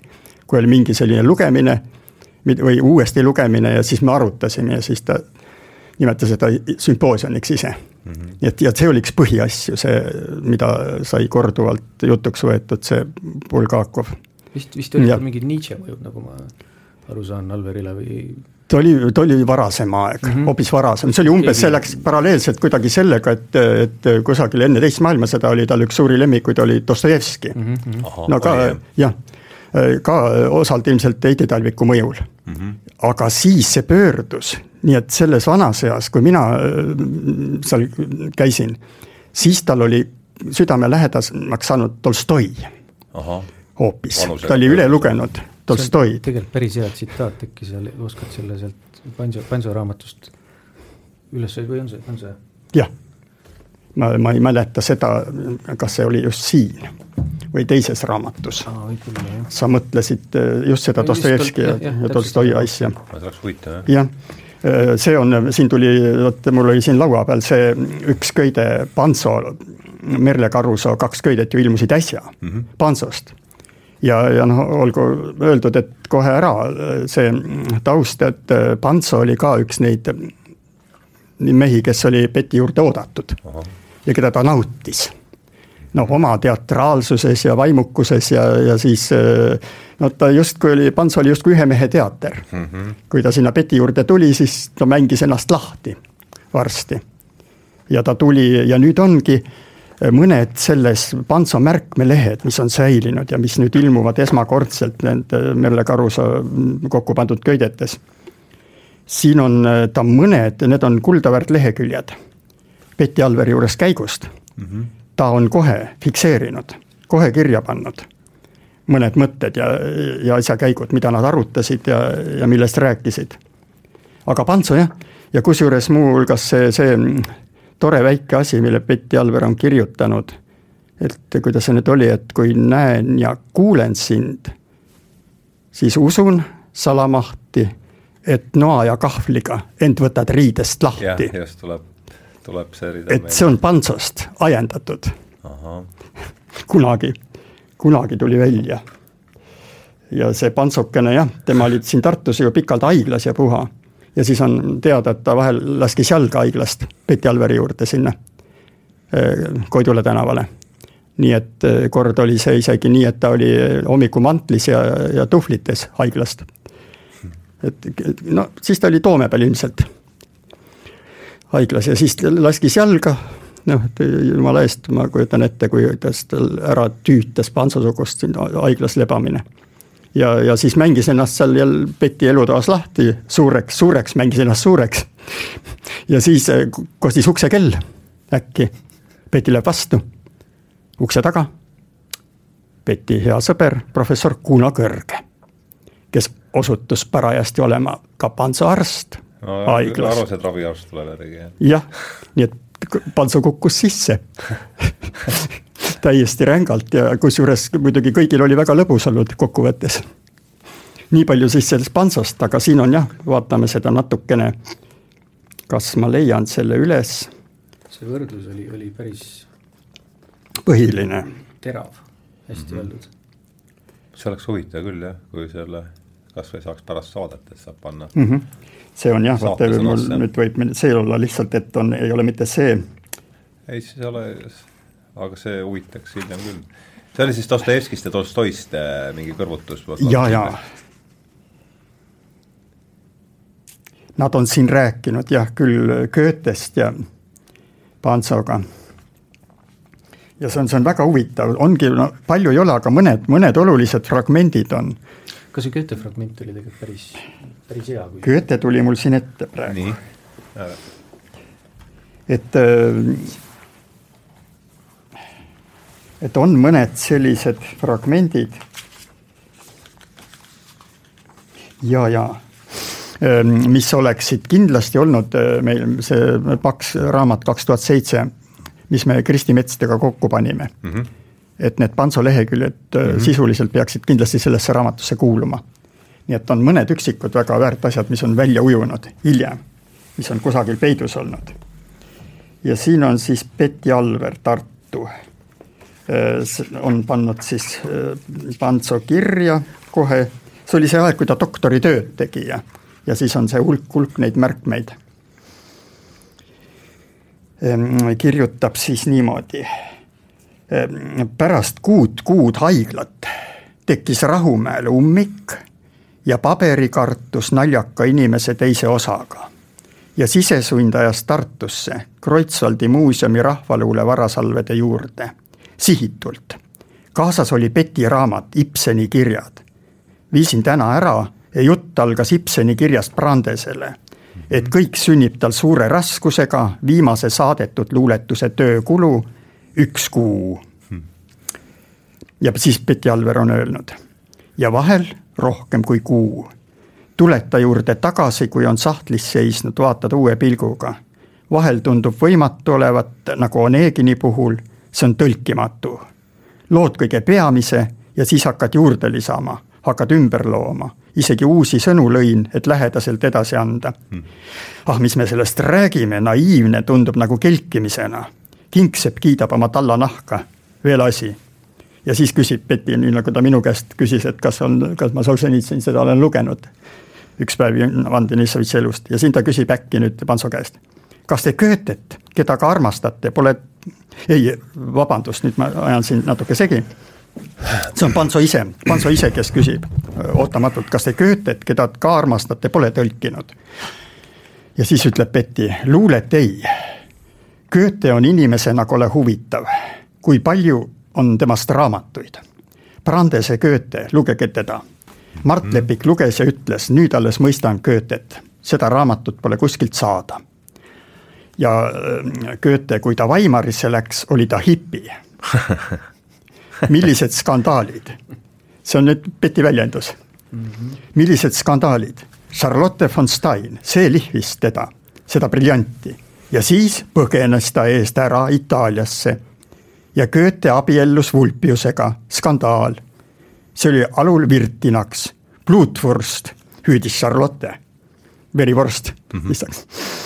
Ja kaheksakümneaastaselt tahtis abielluda kuueteistaastase neiuga mm nii, ja siis äh, Panso kirjutab, et daamide lood näisid huvitavat teda nagu kõiki, aga siis läks jutulõng Goethe emale ja siis äh, Betty ütleb linnapea tütar, elav vaim. isa oli palju kitsam. isalt välimus, võib-olla ka teadlase mõtteloogika, mutikeselt fabuleerimisanne. nii luuletab Goethe ise. Ema oli nii tark, et kordagi ei külastanud kuulsat poega Weimaris. ei andnud end tunda ka daamidele ega seiklustele. ja kord seltskonda kutsele vastas. ei saa kahjuks täna tulla, kavatsen ära surra ja surigi. Goethe ei sallinud tubakat, koeri ja ahve. ja Betty ütleb, ahvidest saan ma aru. ma ei usu, et oleme ahvidest arenenud. ütlesin seda ka doktor Kõrge juubelil, uskuge. aga mina ei usu. ja siin tuleb nii tuttav ette, ka meil oli Petiga juttu neist asjust. ja, ja ilmselt ta võib-olla kirjeldaski sedasama korda, mul oli see meeles küll, et noh, et kuidas oli arutelu olnud just täpselt see, see trafarett, see, et ahvist arenenud ja tulnud siis puu otsast alla ja ja siis ähm, Betty oli öelnud jah, sellele inimesele, kellega ta arutas, et, et teie võite ju olla ahvist arenenud, et olge südamerahuga, aga, aga mina küll ei ole mm. -hmm. Nonii, ja siis on loominguprotsessist on nad siis rääkinud Pansoga. loominguprotsess on nii erinev, Goethe ütleb, et on vaja rahu. aga siis Panso ütleb, arvan, et vaja on rahutust Betty ütleb rahutust rahuks. viinaga küll luua ei saa. proovisin kord, see on nii petlik. näib, et looks uue maailma, aga tegelikult ei saanud kaugemale kui kuldsed lehed, kuldsed lehed ja ei midagi. luua ei saa üldse suure õnnega, nagu arvatakse. peab olema pitsitus, pakitsus no vot ja, ja ma loon üldse väga aeglaselt ja vaevaliselt ka peegli, kuigi tol korral olin vist kõige õnnelikum. ta mõtlebki siis seda mõrast peeglit, seda poeemi. see oli meil siin kirjas ka. ja siis jah, ja, ja Panso küsib, et kas võib küsida, miks see pooleli jäi või oli nii mõeldudki? Betty vastab, ei, aga Semper, see oli Semper, Johannes Semper oli siis Loomingu toimetaja. aga Semper oli kitsi tegi üksi kõik loomingus, oli ka korrektor ja mm, trükiti see katkend ära täitsa vussis järjekorraga ja tuju läks ära. ja siis muutusid ka ajad, sõda tuli peale ja jäigi nii, et kurat ootas ma mäletan, et see mõrane peegel käis läbi, aga ma ei pannud kirja, mis, mis, mis, mis kohta kuuskümmend kaks ilmus, oli see, et Loomingu Raamatukogus, see oli esimene raamat Betty Alveril peale teist maailmasõda. ja seal olid siis poeemid. ma ei pannud kirja seda, jah. poeemid. kuuskümmend kaks, esimene raamat pärast sõda. jah, ja siis tuju, noh tuju kohta küsib, Panso küsib, et võiks veel küsida, kuidas sündis mu lemmik tuju Betty ütleb, miks mitte, tujukarkass on ju lihtne, kõige tähtsam on ära puutu. siin on võti, ei tohi puudutada, väljas segada, ükskõik mis mastaabis. ka iseennast ei tohi puudutada, nii-öelda kalkuleeriva mõttega, arvestavalt. see on veel tähtsam, see tapab enam. Need on nüüd Pansaga kõik sealt, jah? jah, vestlused mida Pants on kohe kirja pannud ja teatrist on ka veel, siin on äh, jutt kaldus ka teatrile. Äh, ta olla lapsena väga kiindunud teatrisse, Jõgeva teatrimajas vaatas näitemänge. Betty räägib, see alguse algus, kui eesriie on veel ees, kui põnev see on mm., kui kõik on veel ees, nagu elus lapsena tegime ise teatrit seal laval, improviseerisime kõik, ka faabula, paljude laipadega lõpus. Mhm. tuttavad käisid vaatamas, isegi kopika piletiraha võtsime Hanso küsib ja hiljem loobusite lavast. Betty ütleb jah, kui aru pähe tuli. aga huvitanud on ta mind ikka, eriti Viira isik ja teater, Menning vähem. kui põnev värvikas suurettevõte oli see diletantide teater Bengaali tuledega suurlavastustena. seda tahaks näha ja pinnat, kui saaks ellu äratada. milline elaan, tuju, ebatavalisus ja Altermann, neid mindi vaatama lainetasid, olid suured ja väikesed, purjus ja kained, spontaansus see võlub, see sisemine pluralism hmm.. sisemine pluralism. ja ütleb, sisemine pluralism. oot-oot, Betty jätkab, leidsin keldrist Novalise raamatu. ta lagunes, see raamat, oli hallitanud ja kõdunenud. pöörasin lehte ja sai põrmuks. kirjutasin sealt mõtteid, mis tõid judinad üle selja. ja siis toob Betty tagatoas klade, kus on väljakirjutused ja Pantso ütleb, et Novalis nime tean ja kõik. Betty ütleb, innere pluraliteet. aa, ah, see on Novaliselt siis, jah? jah, innere pluraliteet, sisemine pluralism, et kuulge, oma sisemist sina, du, pead tundma õppima, et teisi mõista. geenius ongi inneri, innere pluraliteet, ütleb Betty. ja juba Novalis uskus, et on mõistusega olendeid ka mujal Nendega kohtudes saaksime endid võrrelda ja mõista, kes me oleme. praegu oleme üksi, arvamegi, et oleme ainsad ja hindame endid üle. vot niisuguseid asju nad arutasid siis Pantsoga, Peti aga kuidas need on siis, ähm, need on Panso mälestused või kuidas see nüüd on saanud? Need on tema märkmelehed. märkmelehed, tohutu hulk märkmelehti, millest nüüd äh, Merle Karus on teinud valiku oh. Ja siis, kui, siis kui ta just jah, Panso tegeles oma doktoritööga ja siis see periood ka, kui ta noh, tervise tõttu teatrist kõrvale pidi jääma. ja need ajad ka, noh siin ta mainiski, et käis Tartus Kirjandusmuuseumis ja aga just need haiglas oleku perioodid. ja tal on see asi jah, et ta on, ta on paljud asjad ju otsekohe kirja pannud sest noh, mul tulid siit ka mõned need jutuajamised Petiga tuttavad ette, aga mina ju ei taibanud neid nii kohe kirja panna täpselt. Et nüüd jah, nüüd ma siit, siit loen sama asja, no näed, mul tuleb meelde et see on soovituslik lugemine mm, -hmm. lugemine. nii et see on, no siin on väga palju põnev, väga rikkad raamatud on need. äsja ilmunud siis jah? äsja ilmunud kaks köidet Erle Karusoo raamat Panso.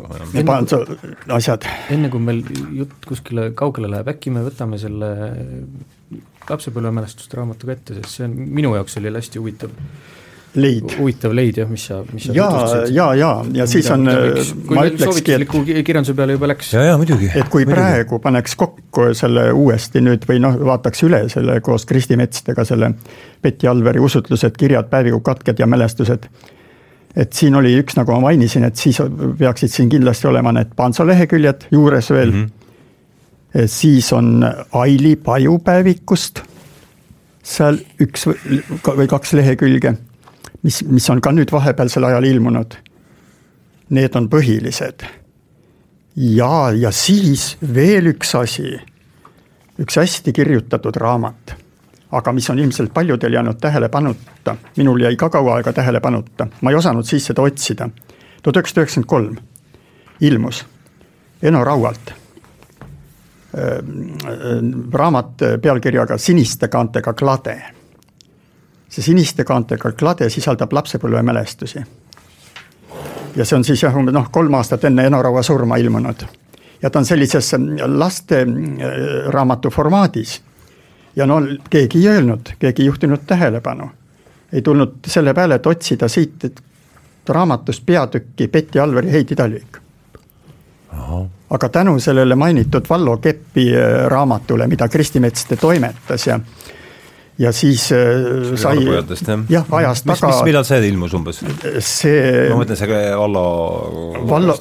paar aastat tagasi. jah mm -hmm.. selge, järgmisest hakkab kakskümmend. ja see mm, Betty Alveri Heidi Talvik, no ja üksikud fotod, fotode täpsustamine, fotode dateerimine.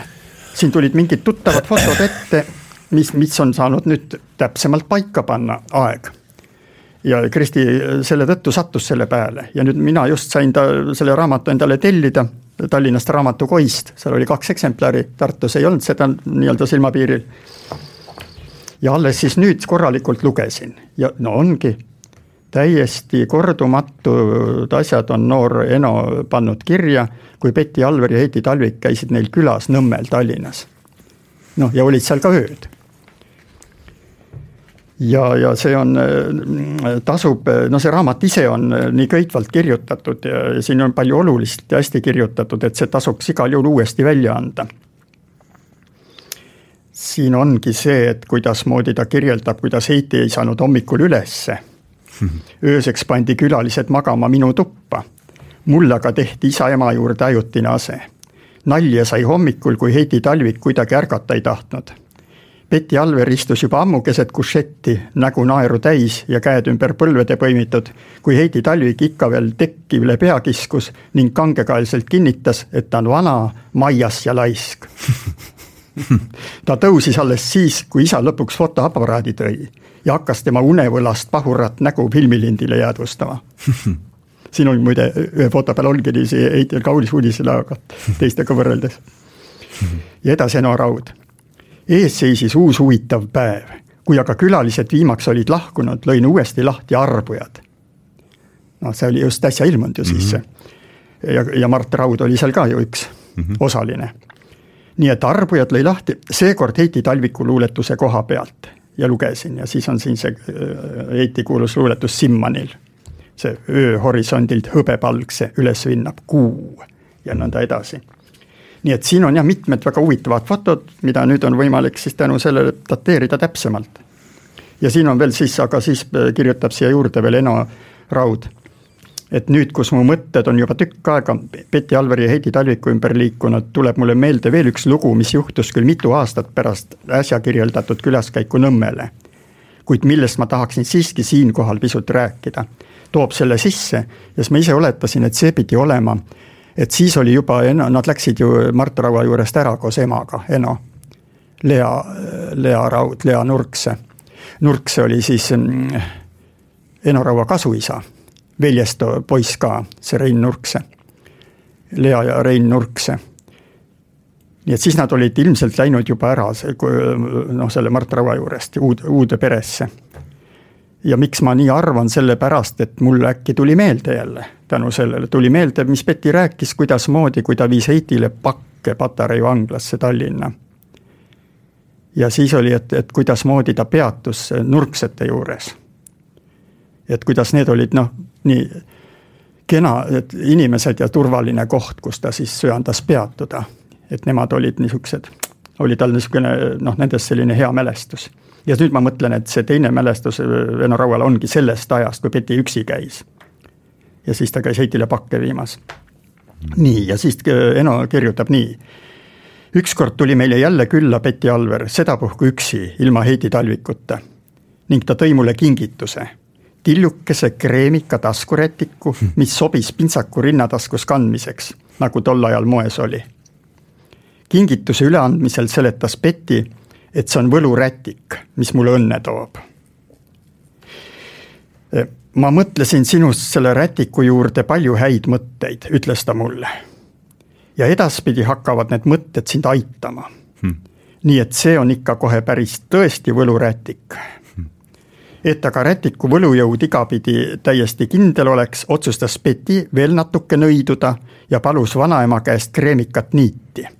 Vanaemal kreemikat niiti ei olnud, aga kollast niiti oli ja Betty arvas siis, et kollane niit ajab asja peaaegu niisama hästi ära ta küsis minu käest rätiku natukeseks ajaks tagasi, istus diivanile, pani kollase niidi nõela taha ja asus tikkima.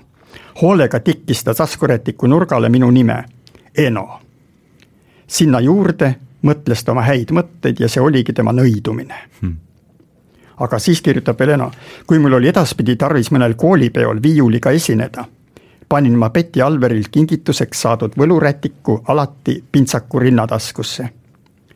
ja kui ma siis esinemise ajal mõnikord närvitsema kippusin, meenutasin otsekohe, et Betty Alveri head mõtted on minuga ja muutusin uuesti rahulikuks. seda juhtus üsna mitmel korral nii et küllap oli Betty ikka päris hästi nõidunud mm. Ja, ja siin oli veel, ennem oli sellest pikemalt, sellest veel sellest noh, kui nad esimest korda, Betty ja Heiti olid siis nende juures külas. nii et niisugused uued asjad võivad välja ujuda täiesti ootamatult mm. -hmm. ja mis, mis valgustavad, valgustavad välja mingisuguse päeva või hetke, aga, aga millel on suurem taust.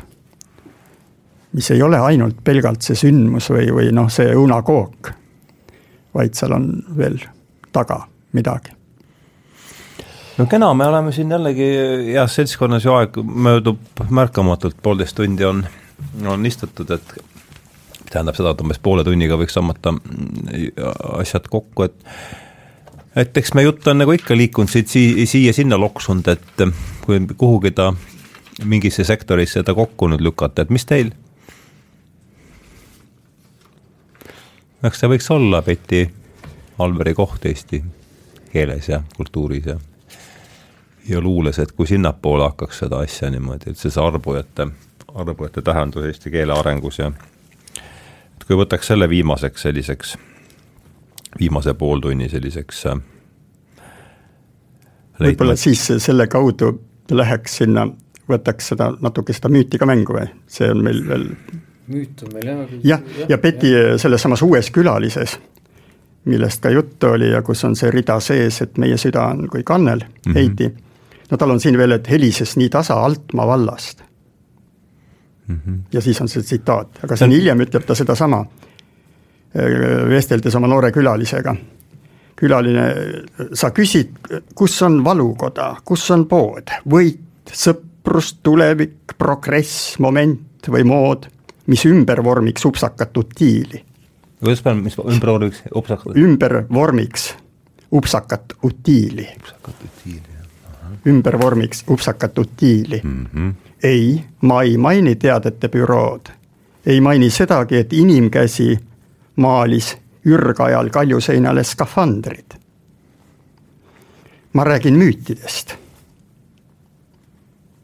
maailma naeratus on suured muinaslood mm. -hmm. Te näete, taevaga end jälle kihlab tellus ja ilmale toob uusi tiibadega inimlapsi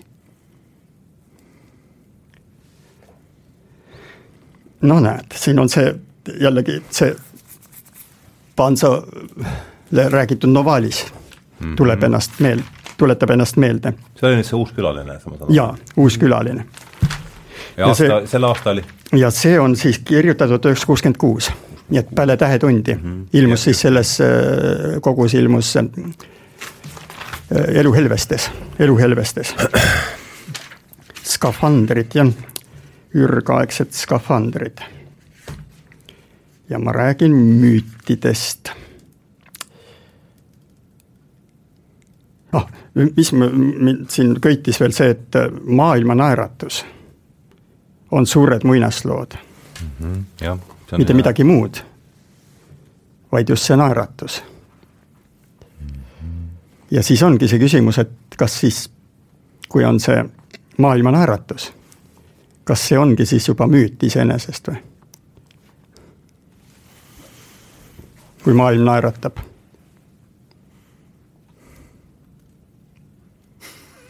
nii raske küsimus mm. -hmm. väga lihtne küsimus. Paiskasid õhku.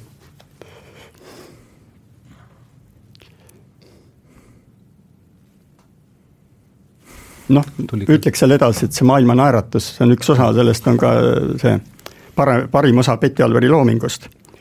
ja siin oli, kui sa rääkisid selle, sellest poisist, kes meeleheitlikult väljakirjutusi tegi siis samas oli mingi sisemine rahu, ei olnud isegi ah, isegi jah, isegi, see on juba järgmine aste, järgmine tasand. see on juba see tasand või järgmine, kolmas aste on seal see, kui on noh, et need pühadused, kui Betty kirjutab, et ei ole pühadusi, mille nimel võiks mõnitada inimest ja, ja siis on see äsja lahkunud helilooja Ester Mägi, üheksakümne üheksa aastane. tema on viisistanud mitu Betty Alveri luuletust väga tähelepanuväärsel moel. ja, ja eriti on üks kolmik, mida ta siis viisistas kaheksakümne esimesel aastal. see oli siis, kui Betty Alver sai seitsekümmend viis ja see on, see on väga, just see valik, mis ta on võtnud kolm asja eri aegadest. puust palitu, jälle ja jälle ja siis toosama Linnud naersid. Seda sa lugesid? jah, ja ta on võtnud sellised asjad viisistada. ja siis ma just mõtlesin selle peale, kuidas ta kajas kaasa noh, oma süvenemise astme juures et kui Betty kirjutas, et ei ole pühadusi, mille nimel võiks mõni, mõnitada inimest, siis Ester Mägi on kuskil intervjuus just seda mõtet rõhutanud, et äh, miski asi peab jääma kogu selle maailma muutumise ja lagunemise juures, miski asi peab jääma, mis on meie jaoks püha. see pühaduse mõiste. ja ta on võib-olla ka mingit otsapidi selle müüdiga seotud see vist käib kogu selle see. arvujate pundi kohta mm, -hmm. et võib-olla see on tõesti see, see mingi, mingi noot, mis siiamaani heliseb või mis, mis kuidagi mm -hmm. aitab, aitab jälle meelde tuletada. sa räägid nüüd pühaduse mõistest? jah. jah, et see on arvujaste sees olemas sügavuti. no nüüd ma saan lugeda mm -hmm. selle koha ette, mis ma enne tahtsin mm, -hmm. et see sobib mm -hmm. sulle väga hästi, hästi lühike koht mm. -hmm. aga mis mind on painanud juba kuu aega, see on selle viletsuse komöödia alguses ta laskus tagasi sohvale ning peitis näo kätesse. inimene on peamiselt see, kes ta tahab olla, ütlesin tasa. ei, inimene on just see, kes ta olla ei taha, see, mida ta üle kõige kardab ja jälestab. kas usute, et ma olen iseenda isand? ei, just halb ja alatu minus on minu isand. hirmsam on seda kõike ise teada ning ometi jõuetu olla. mind võiks päästa ainult ime, kuid imesid ei sünni. nüüd ütleb jälle see teine peategelane, eksite, kes usub oma olemasolusse, usub paratamatult ka imet mm. -hmm noh, see läheb muidugi edasi. jaa, Petil on ju luuletus Ime. Tal on kirjutanud Ime, üks on tal ennem teist maailmasõda ja siis ta vana sai kirjutanud Ime tuhat üheksasada kakskümmend kaheksa ja ja seal on niisugune käik tal kuskil, et noh, et eh, kuidas eh, saadetakse kosmosesse neid aparaate ja värke ja siis ta tõmbab selle kokku selle, et jah, ime küll, kuid väike mm. -hmm. ja, ja et noh, et palju, palju suuremad on need imed, mis on teises mõõtmes kuskil, mis ei ole see tehniline saavutus mis on kah no üks inimvaimu niisugune kõrgväljend, aga, aga see, need vaimsed ja hingelised asjad et ta ikka seda, seda päris imet ootab sealt. et kui ilmutub inimese vaim, kui ilmub, noh, jah, võiks öelda, et kui inimese näole ilmub see maailma naeratus hmm., et siis sünnib, siis sünnib ime, jah. Jah, aga nüüd, kui vaadata praegust luulet, siis võib-olla see, see tahk luules on kuidagi jäänud sellise mm, võib-olla põlu alla isegi natukene või vaadatakse niimoodi üleolevalt, et no, see on selline sa sa räägid nüüd sellest ime, ime ja sellest poolest? jah, jah, selline arv, arbujalik. kui sa ei oska seda või kui sa, see nõuab niisugust noh, nii-öelda kõrgemat pilotaaži ju mm, -hmm. et sellega hakkama saada, nii et ta oleks, ta jõuaks kohale, ta oleks usutav, et ta mõjuks usutavalt. Seda, seda võib-olla isegi on parem, et seda ei juleta puudutada igal sammul ja ta ei ole ja kui ta on niisugune moosine, see asi, no siis ta töötab iseenda vastu. Nende moosimäärijate pärusmaaks, et eks ole. võib-olla aga seal on see asi, et kui Betty ütleb, et noh, et aga need kuradid, kes peavad ka kuskil siin mm. olema, taga, kukla taga. muidu läheb asi kätte. muidu läheb moosiseks, jah ja. Ja see ongi, see on, see on võib-olla isegi üks kunsti üks raskemaid ülesandeid. see, mida needsamad, just need oma parimas osas arbujad tabasid ja mis, mis ongi, kestab. et me justkui häbeneme seda ja me ei taha justkui tunnistada, et me oleme, langeme selle õnge. aga samal sisemuses on ta olemas. sisemuses ta toidab. nii et ja, ja kui ta on olemas, siis on tal ka niiviisi võimalik ilmutada.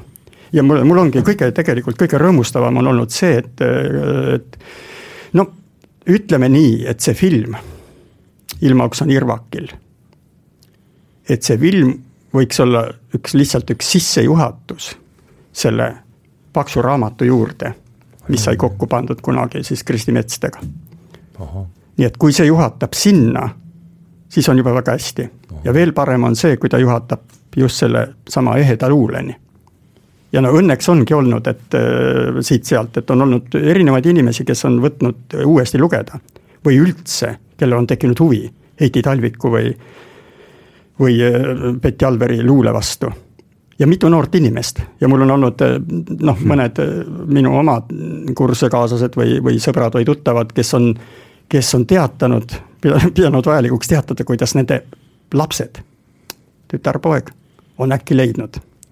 No seda, olles seda filmi näinud, on leidnud luule üles. suur asi siinkohal peab võib-olla mainima, et see film on ka täitsa netis saadaval, selle Jupiteri jaa, ma sealt vaatasingi, jah mm. -hmm, praegu on jah, täiesti olemas. et see on ikkagi mm -hmm. ka mhm. mänginud kaasa, sest nii mõnigi film, mis võib-olla ka kõnetaks ja viiks, mitte nüüd Alveri puhul, aga sarnastel teemadel mm -hmm, on jäänud ei jõua lihtsalt kaole.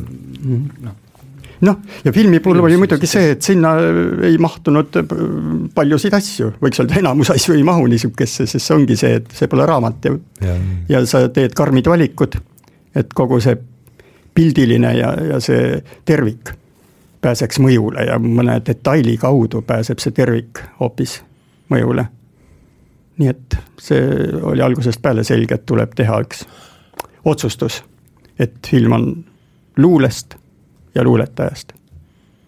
ja kõik muu on siis sel põhjusel seal, mitte mingil muul põhjusel mulle jäi kõrva siit ja noh, tõesti, meil on siin kümmekond minutit jäänud, et see Siimu pillatud lausejupp, et pühaduse noot kõlab arbujates saadik edasi, et kas me järsku siin võib-olla kümnekonna viimati vältel arendaks, püüaks seda nagu natukene liha juurde panna sellele kõige selle taustal, mis me siin juba, eks me oleme sellest ääri-veeri rääkinud, aga no ma ei tea, kuidas see liha suretamine mõjub sellele pühadusele, vot see on võib-olla ka risti vastupidiselt, nagu ennist oli juttu. et, et kui see liha, kui liha saab sõnaks, eks ole, kui nüüd Underit meelde tuletada mm, -hmm. et mis siis juhtub tegelikult kas, kui palju sellest lihast sinna sõnasse alles jääb ja, ja vastupidi ja, ja see on selline, võib-olla pühadus tekitab valet tunnet, aga mm, -hmm. aga arvujate pühadus on niisugune vimkaga pühadus või et kui masingutki võtta no., siis ta on, see, see, see ei ole selline aupaatos. väga, see... Uku Masing, väga hea just näide, kuidas võtta sügavuti. mis sinna kõik ära mahub mm. -hmm. ma loen ühe luuletuse, minu arust see võtab selle pühaduse hästi kokku. jälle muidugi tuntud luuletus Vabaduse teemon. Jäägu teistele alandlik jaatus, tahta võimatut on meie saatus. sina mu teejuht, kellega koos matkan ruskelt auravas soos. milliseid lahinguid siin ka ei lööda, ikka sa manitsed mind, mine mööda, kõik mu ihad ning armud on põrm, kui mu rinda riivab su sõrm.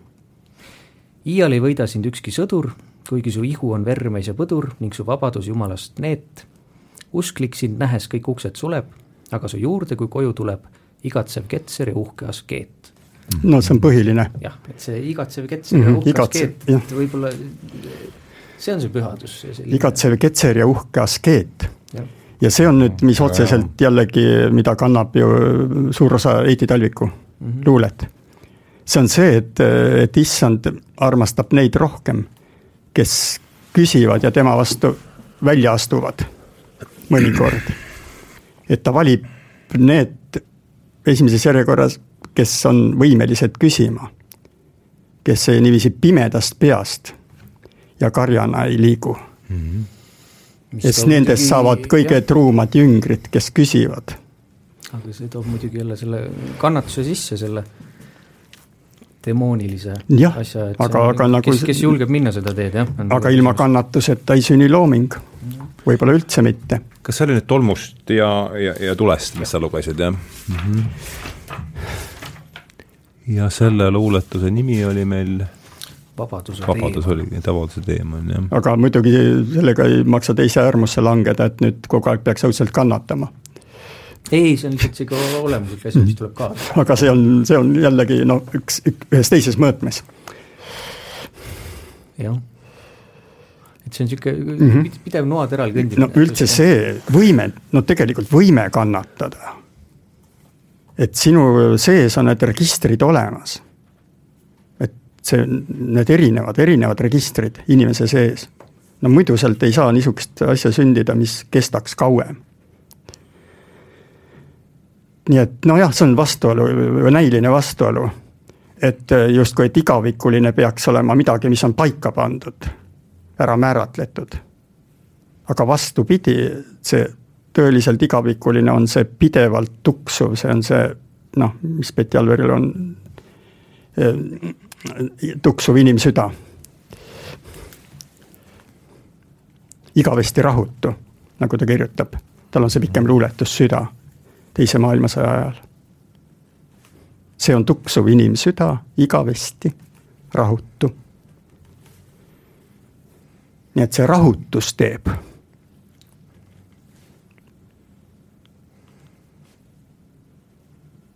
rahutusest sünnib see noh, siis äh, suuremas mõõtmes rahu.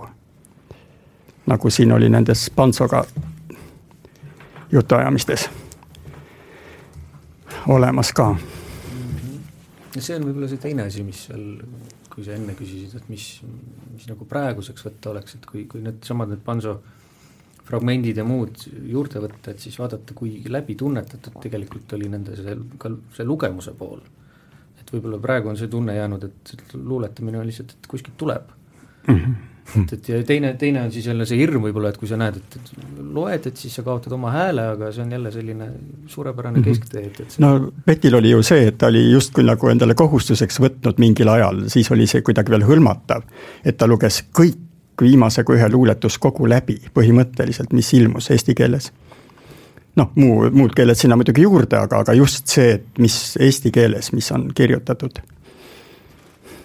et valdas teemat nii-öelda praegu vist teeb Kivisilnik seda või ma ei tea, kas ta ikka veel teeb, aga tal vanasti oli, oli, oli niisugune komme minu meelest, mingis raadiosaates ta ikka alati ütles, et hakkas kuskilt tähestiku algusest pihta ja ja, ja muudkui lasi edasi.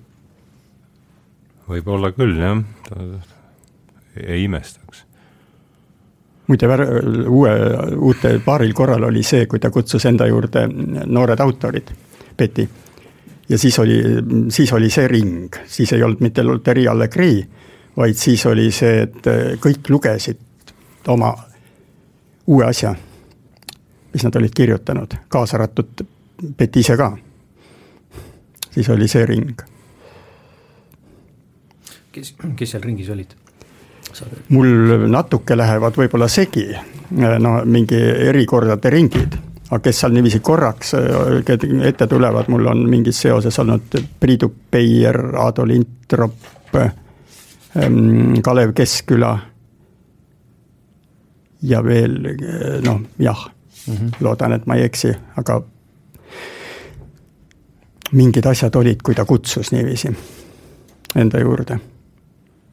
ja mõnikord ta kutsus ka täiesti kindlalt mõne inimese. näiteks minul palus ta enda juurde kutsuda Mari Vallisoo ja Mariga me olime koos ühes koolis käinud, tema oli niisugune vanem väljaanne, aga me siis noorte autorite koondises saime jälle kokku. aga Betty tundis sügavat huvi algusest peale Mari luule vastu. ja, ja siis oligi nii, saime kokku, läksime, istusime Betty väikses toas. tal oli väike tuba, oli nii, et siis istuti seal, kui oli talvel külm. ta ei jõudnud kütta tervet elamist ja siis väike tuba oli soe ja seal oli siis tore istuda. ja see, see oli niisugune tore kord, et Marikene vist ei, ma ei tea, kas ta, kas ta üks neli-viis sõna ütles kogu selle õhtu jooksul hmm. põhiliselt vaikis hmm., nii et, et Peti pidi ise küsima, ise vastama enam-vähem aga neil oli ja see on niisugune sügavam kokkupuude luules. Maril ja Peti tundis selle kohe ära nii et ta laskis mul tuua ja ta valmistas ette põhjalikult, ta laskis mul tuua meie kooli almanahi tipa-tapa numbrid kõik, mida Petil ei olnud ja minul olid. ja kus olid Mari luuletused sees, varased, et ta töötas need kõik läbi enne, kui ma Mari tema juurde jõudis. No aga kena, meil on nüüd kaks tundi täis saanud, mul oleks ettepanek, et järsku valite midagi lõpetuseks veel midagi sealt, meil on ju luulekogusid siin kaasas, et kumbki ühe välja tõmbame siis et jääks mingi teksti, tekst ka õhku, mul on siin. sul, sul on parem valik et kumb tahab alustada? no võta sa siis ennem. no jah, oota, ma nüüd üritan, üritan kiiruga leida midagi toredat nii üks hetk, üks hetk, üks hetk. kõik on, kõik on nii tuntud tekstid. aga see ei tee tingimata, ei tule. no aga ma loen näiteks siis sellise vimkaga luuletuse. kui, kui meil toit enne oli juba. ei, või ei, ei, ei, ei, ei, ei, ei, ei, ei, ei, ei, ei, ei, ei, ei, ei, ei saa ka. vot nüüd kõige, kõige keerulisem osa tänasest, tänasest õhtust loe sina enne hoopis. sa loobud? ma loobun, jah. kergelt, liiga kergelt loobud, jah. nojah, aga siis mina võtsin selle, mis Peti ise mulle praegu kätte andis, nii-öelda. sellest äh, Üle aegade Assamala raamatust ja see on tuhat üheksasada kaheksakümmend viis kirjutatud Kui elu on vaid uni. kui elu on vaid uni ja, ja see tuletab jällegi meelde Heiti Talviku neid kaustikuid ja väljakirjutusi maailmakirjandusest ja üldse.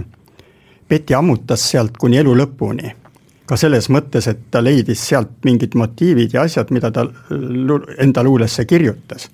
ja see ongi sündinud siis ühe Li Po, Li Taipo väljakirjutuse, Heiti väljakirjutuse ajendil, Hiina luuletaja siis, kaheksas sajand hmm.. kui elu on vaid uni, siis kaob unena ka lein. las kurbuses meid lohutab maateral viin ja vein. ma joon ja joon, ei tuska tee tuhm aeg ja tunnikell, kui vaarun lauldes uksele ja uinun künnisel. Kõik unub äkki heliseb eesõues õunapuu. ma ärkan, egas ometi käes ole kevadkuu. kevad, kevad, siristab mu kohal väike lind. ma ohkan, peeker jälle peos, lind oksal naerab mind. joon laulan, kuni sume öö taas tukkudes on tumm ja kõrgel tähti vilgutab kott pime taevakumm. kuu vaatab alla vidusse, kus kõik see vidin käis. mis puutub kevad minusse, las olen juua täis.